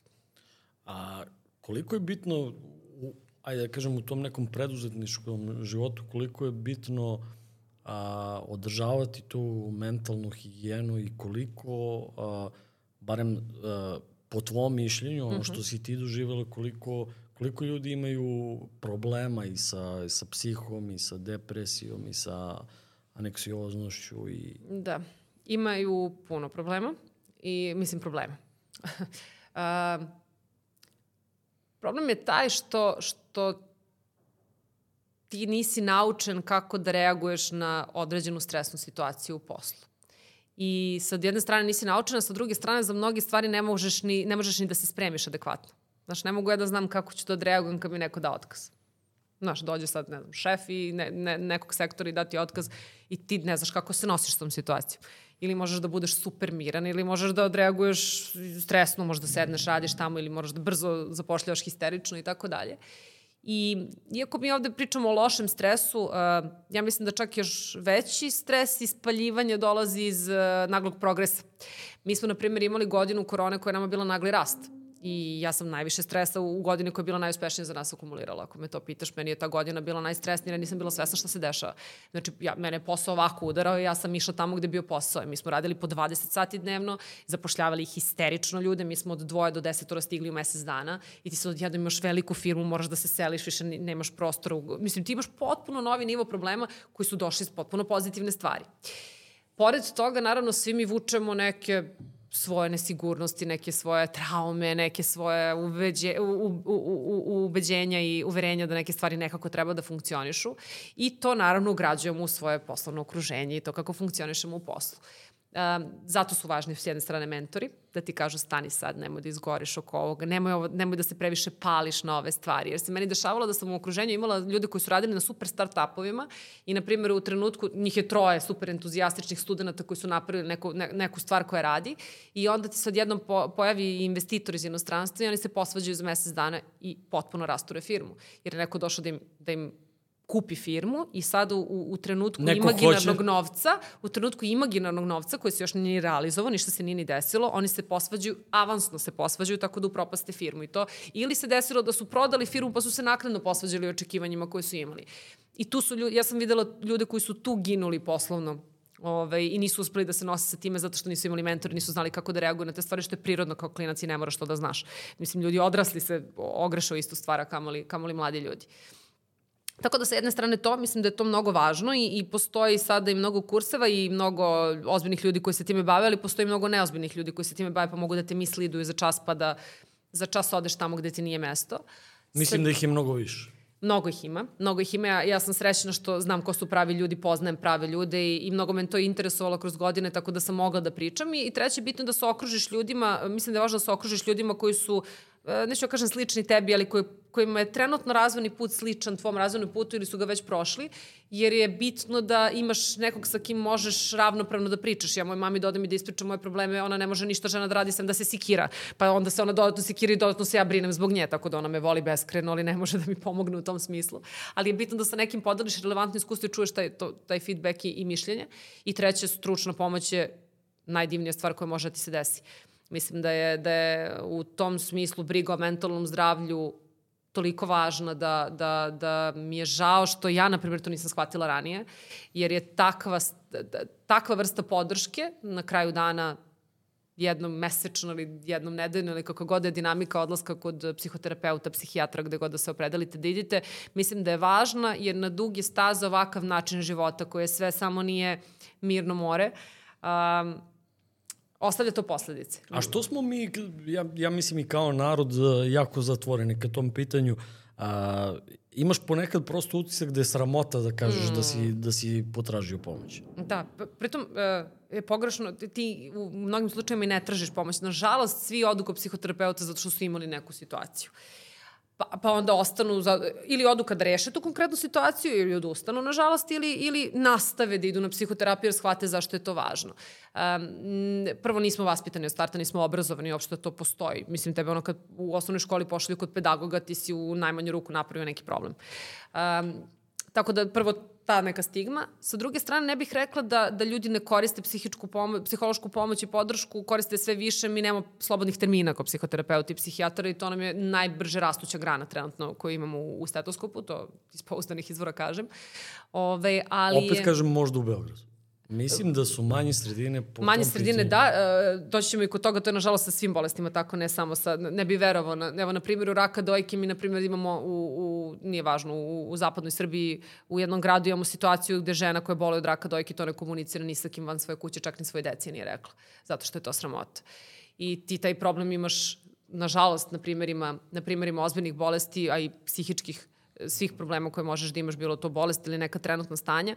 Um, naravno da je takva situacija, meni se dešavalo u manjim sredinama da, da moji poznanici me pitaju treba mi preporuka ali treba mi da taj neko nikome ne kaže i da, ne bude, da, da se to ne sazna. Mislim, prvo ne, ne sme da se sazna, da se razumemo. Po kodeksu mi, mi smo, ne bi smela. Mi smo ali... porodični prijatelji sa, sa, sa jednim psihoterapeutom uh mhm. -huh. a, i ona nam kaže da kod nje uglavnom dolaze ljudi recimo iz Bora. Da, vrlo moguće. Vrlo moguće, da. Vrlo moguće i mene, ka, kažem ti, to je negde moje iskustvo. Uh, mi radimo puno sa, znam da nam Kragujevac, recimo Kraljevo, Kruševac, uh, taj tu deo nam ozbiljno dobro radi sa psihoterapijom i odatle psihoterapeut, leto, to je fun fact, uh, ima jedna mlada, mislim mlada, mlađa žena psihoterapeut koja ozbiljno radi, ali ona radi puno online I ona ima zapravo znači, ljude koji nisu iz njenog mesta. Znači to je neko ko radi, ko, ko se zapravo kod nje dolazi na terapiju iz drugih, drugih krajeva. Nažalost je tako, ljudi ne razgovaraju o tome, ne, nisu otvoreni da pričaju o tome i, i ja verujem da će se stvari promeniti. I verujem da, sad, problem je opet sa tim mislidovanjem, jer ti ako imaš nekog kouča koji na Instagramu prodaje prodaje svoje programe koji nisu pogrešni, samo što ti možda u, u nekom trenutku usporavaju ono što je potrebno za tebe, nažalost sve mentalno zdravlje je tvoja lična stvar u smislu nema, nema univerzalnog rešenja. Tebi treba neko ko je stručan da ti se posveti 100% i da sa tobom na konkretnom problemu i razradi određenih stvari radi, jer je kompleksno, jako je kompleksno mentalno zdravlje, nije, nije crno-belo, nema tu da kažem jednosmerne ulice. I ja verujem u to da će, da će na tu temu više da se pričamo i spremamo veliki projekat trenutno o mentalnom zdravlju i, baš se spremamo da pričamo ozbiljno i o anksioznosti, o depresiji i psihozama i mislim da smo dosta i do sada uradili, ali sada zaista želimo da, da tome damo jednu, jednu drugačiju dimenziju, um, jer vidimo da, da u tom smeru apsolutno postoji prostora da ljudi, da ljudi budu ovaj, um, imaju više informacija. Opet sa treće strane da, zanemarimo, da ne zanemarimo činjenicu da psihoterapija nije jeftina. Uh, nažalost, taj, taj deo ne treba isključiti. Ima dosta besplatne psihološke pomoći u Beogradu, sad opet ne znam kakva je situacija ovaj, van, van Beograda, ali nedovoljno za ono koliko je potreba u ovom trenutku. Jer znam, na primjer, da studenti imaju često često problema. Postoje čak i stanovnici različiti za studenta, ali opet, ako student nema lovu, nema lovu, setimo se svi kako je bilo kad smo studirali, tako da, da eto, u tom prostoru, bi, tu postoji prostora za dodatnu neku podršku. A za kraj bi uh, hteo da uh, čujemo tebe, šta savjetuješ ljudima koji se odlučuju da posebno mlađim ljudima koji se odlučuju da krenu u svet preduzetništva, a pritom možda nemaju taj sticaj okolnosti ili tu sreću da imaju mentore sa kojima mogu, čuli smo da, da su mentori izuzetno bitni, a, šta bi im ti preporučila da pročitaju, a, koju literaturu, odakle da krenu? Mm -hmm. Znaš kako, evo ovako, kad sam ja bila u, srednjoj školi, mene stvarno, ja nisam znala ništa o preduzetništvu mi nismo imali nikakvu informaciju. Onda profesor Mladen Šljivović koji je bio tvoj gost i moj super prijatelj, danas ja to mogu ako sam ponosom da kažem, iako mi nije predavao fiziku, ovaj, ja mislim da je mnogo radio za ovu decu. I toliko se odjednom u tako mladim, mladom životnom dobu pričao o preduzetništvu da je to tako divno da, da nema ništa divnije od toga. Um, ja moram da, da samo te, ovaj, da kažem ovde, uh, da, da stanem u kontru. Uh, to što ti nemaš mentora fizički u Zaječaru, je da kažemo, da, mada sam 100% sigurno da ovde postoje dobri mentori u Zaječaru, samo ih treba pronaći. Um, to što fizički neko nije ovde ne znači da nekog ne možeš da kontaktiraš. Ja sam širom sveta kontaktirala ljudi i ja sam nobody dan danas, nisam ja neka poznata, ne znam, nija ličnost, pa sad neko mora meni da odgovori na mail. Meni se nije desilo da mi neko nije odgovorio, dao savet ili stupio u kontakt sa mnom ili popio kafu znači, sa mnom. Znači stokovanje.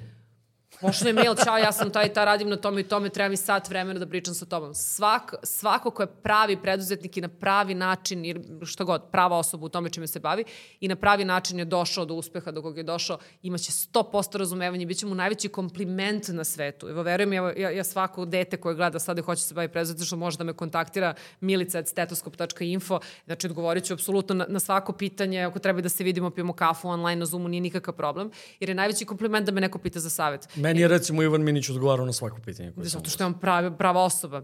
Na, na, na, svako pitanje i u real time-u, što bi se reklo. Neće čak Skoro i u real time-u, da. I u real time-u, tako da. je. Jer on je, on je super lik i meni je taj čovjek beskreno pomogao. Tako da pravi ljudi će ti uvek pomoći. Eto, taj Ogi Radić kog sam malo pre spomenula u tom trenutku, niti je znao ko sam ja, niti bilo što ja sam napisala Ogiću, slušaj, ja sam videla da si napravio veliki posao, meni treba jedna kafa sa tobom, samo da ti postavim pitanje da vidim da li ovo ima smisla ili ne.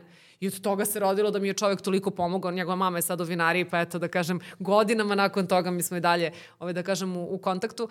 Uh, tako da pravi ljudi su uvek pravi ljudi i nećete sigurno mislidovati, možda neko je previše zauzet pa ti neće odmah odgovoriti, ali, ali bar će ti reći kome da se obratiš, verujem mi, znači jedan kroz jedan radi. Ja sam ka, kao student pisala svim velikim danas direktorima, neki od njih su moji super prijatelji danas i ne stidim se toga, mislim da je mnogo važno da budeš proaktivan. Knjiga ima puno i mislim da je, da je važno da se čita, imaju sad mladi sreću što dosta toga mogu da pronađu online pa ne moraju da čekaju te knjige, ja sad nešto, ja volim knjige u hardcoveru pa kad putujemo onda, onda kupujem dosta, ali, ali ima i ovih Amazona može da se kupi za male pare, da ne kažem ima to tamo i bez para da se nađe na netu. Um, Hararijeva triologija, mislim da je super da shvatiš svet oko sebe. Mislim da je bitno da sve vreme, koliko god da neguješ te svoje neke skillove vezano za preduzetništvo, upravljanje ljudima, komunikaciju poslovno i tako dalje, mislim da je paralelno važno da, da shvataš svet oko sebe i da razumeš širu sliku jer na kraju dana nije posao samo da si ovakav, ti moraš da imaš širinu, da razumeš ljudi, da sutradan umetnost praviš od onoga čim, čime se baviš, šta god da to bude. Um, tako da Hararijeva trilogija je onako super štivo koje si lepo čita, iako su debele knjige, nemojte se plašiti, super je za, za ove bilo, bilo, bilo edukacije o tome šta je svet i, i kako mi funkcionišemo danas. Um, za, za sam start i validaciju ideje ima ta knjiga koja se zove Mamin test. I to je knjiga koja je super da shvatiš kako ti treba da razmišljaš o bilo kom projektu koji želiš da kreneš, pokreneš i tako dalje. Mislim da je super zato što ti daje dobra pitanja koje, kako se kaže, ne, ne može mama da ti bude relevantna jer mama je emotivna prema tebi pa nema šanse da će ti dati dobar feedback, ali koje pitanje i kako treba da postiš da dobiješ dobre odgovore. Tako da mamin test obavezno. Od 0 do 1 Peter Thiel, to je isto sjajna knjiga da, da shvatiš kako, kako funkcioniše uh, jedna ozbiljna firma i, i kako treba da, da postaviš stvari. Um, Od novih nekih knjiga, ja sam dosta u poslednje vreme čitala uh, neke autobiografije, biografije, uh, od osnivača Nike-a, Peter, uh, ne Peter Thiel, izvini, nego uh, Phil Knighta, Phil Knighta, uh, odlična knjiga o, o njegova autobiografija o tome kako je osnovao Nike. Mislim da je super taj njegov put bio i onako uz sve, sva spoticanja koje su moga, dobar je, dobar je put da se uh, da se ove tu, tu ove ustresrede. Ja hiljadu knjiga imam na, na pameti sada, ali ove, eto, mogu, mogu da ti dostavim neki spisak ako hoćeš u opisu da imam ja tačno studentima šta dajem da, da ove čitaju, tako da mislim da ima dosta knjiga, ali treba da prati, treba čitaju sve.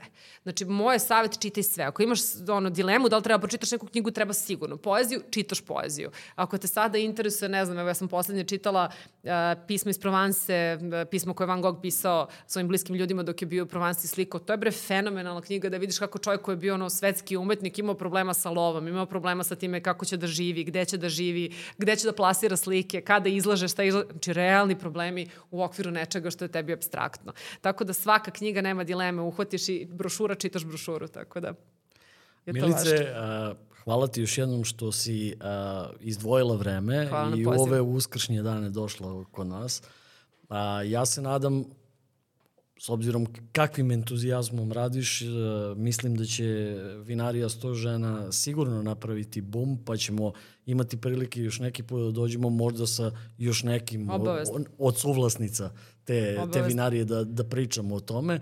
Još jednom hvala ti i ja se nadam da se vidimo i još nekom lepom priliku. Obavezno, hvala tebi i hvala ti što radiš ovaj podcast. Sjajanje.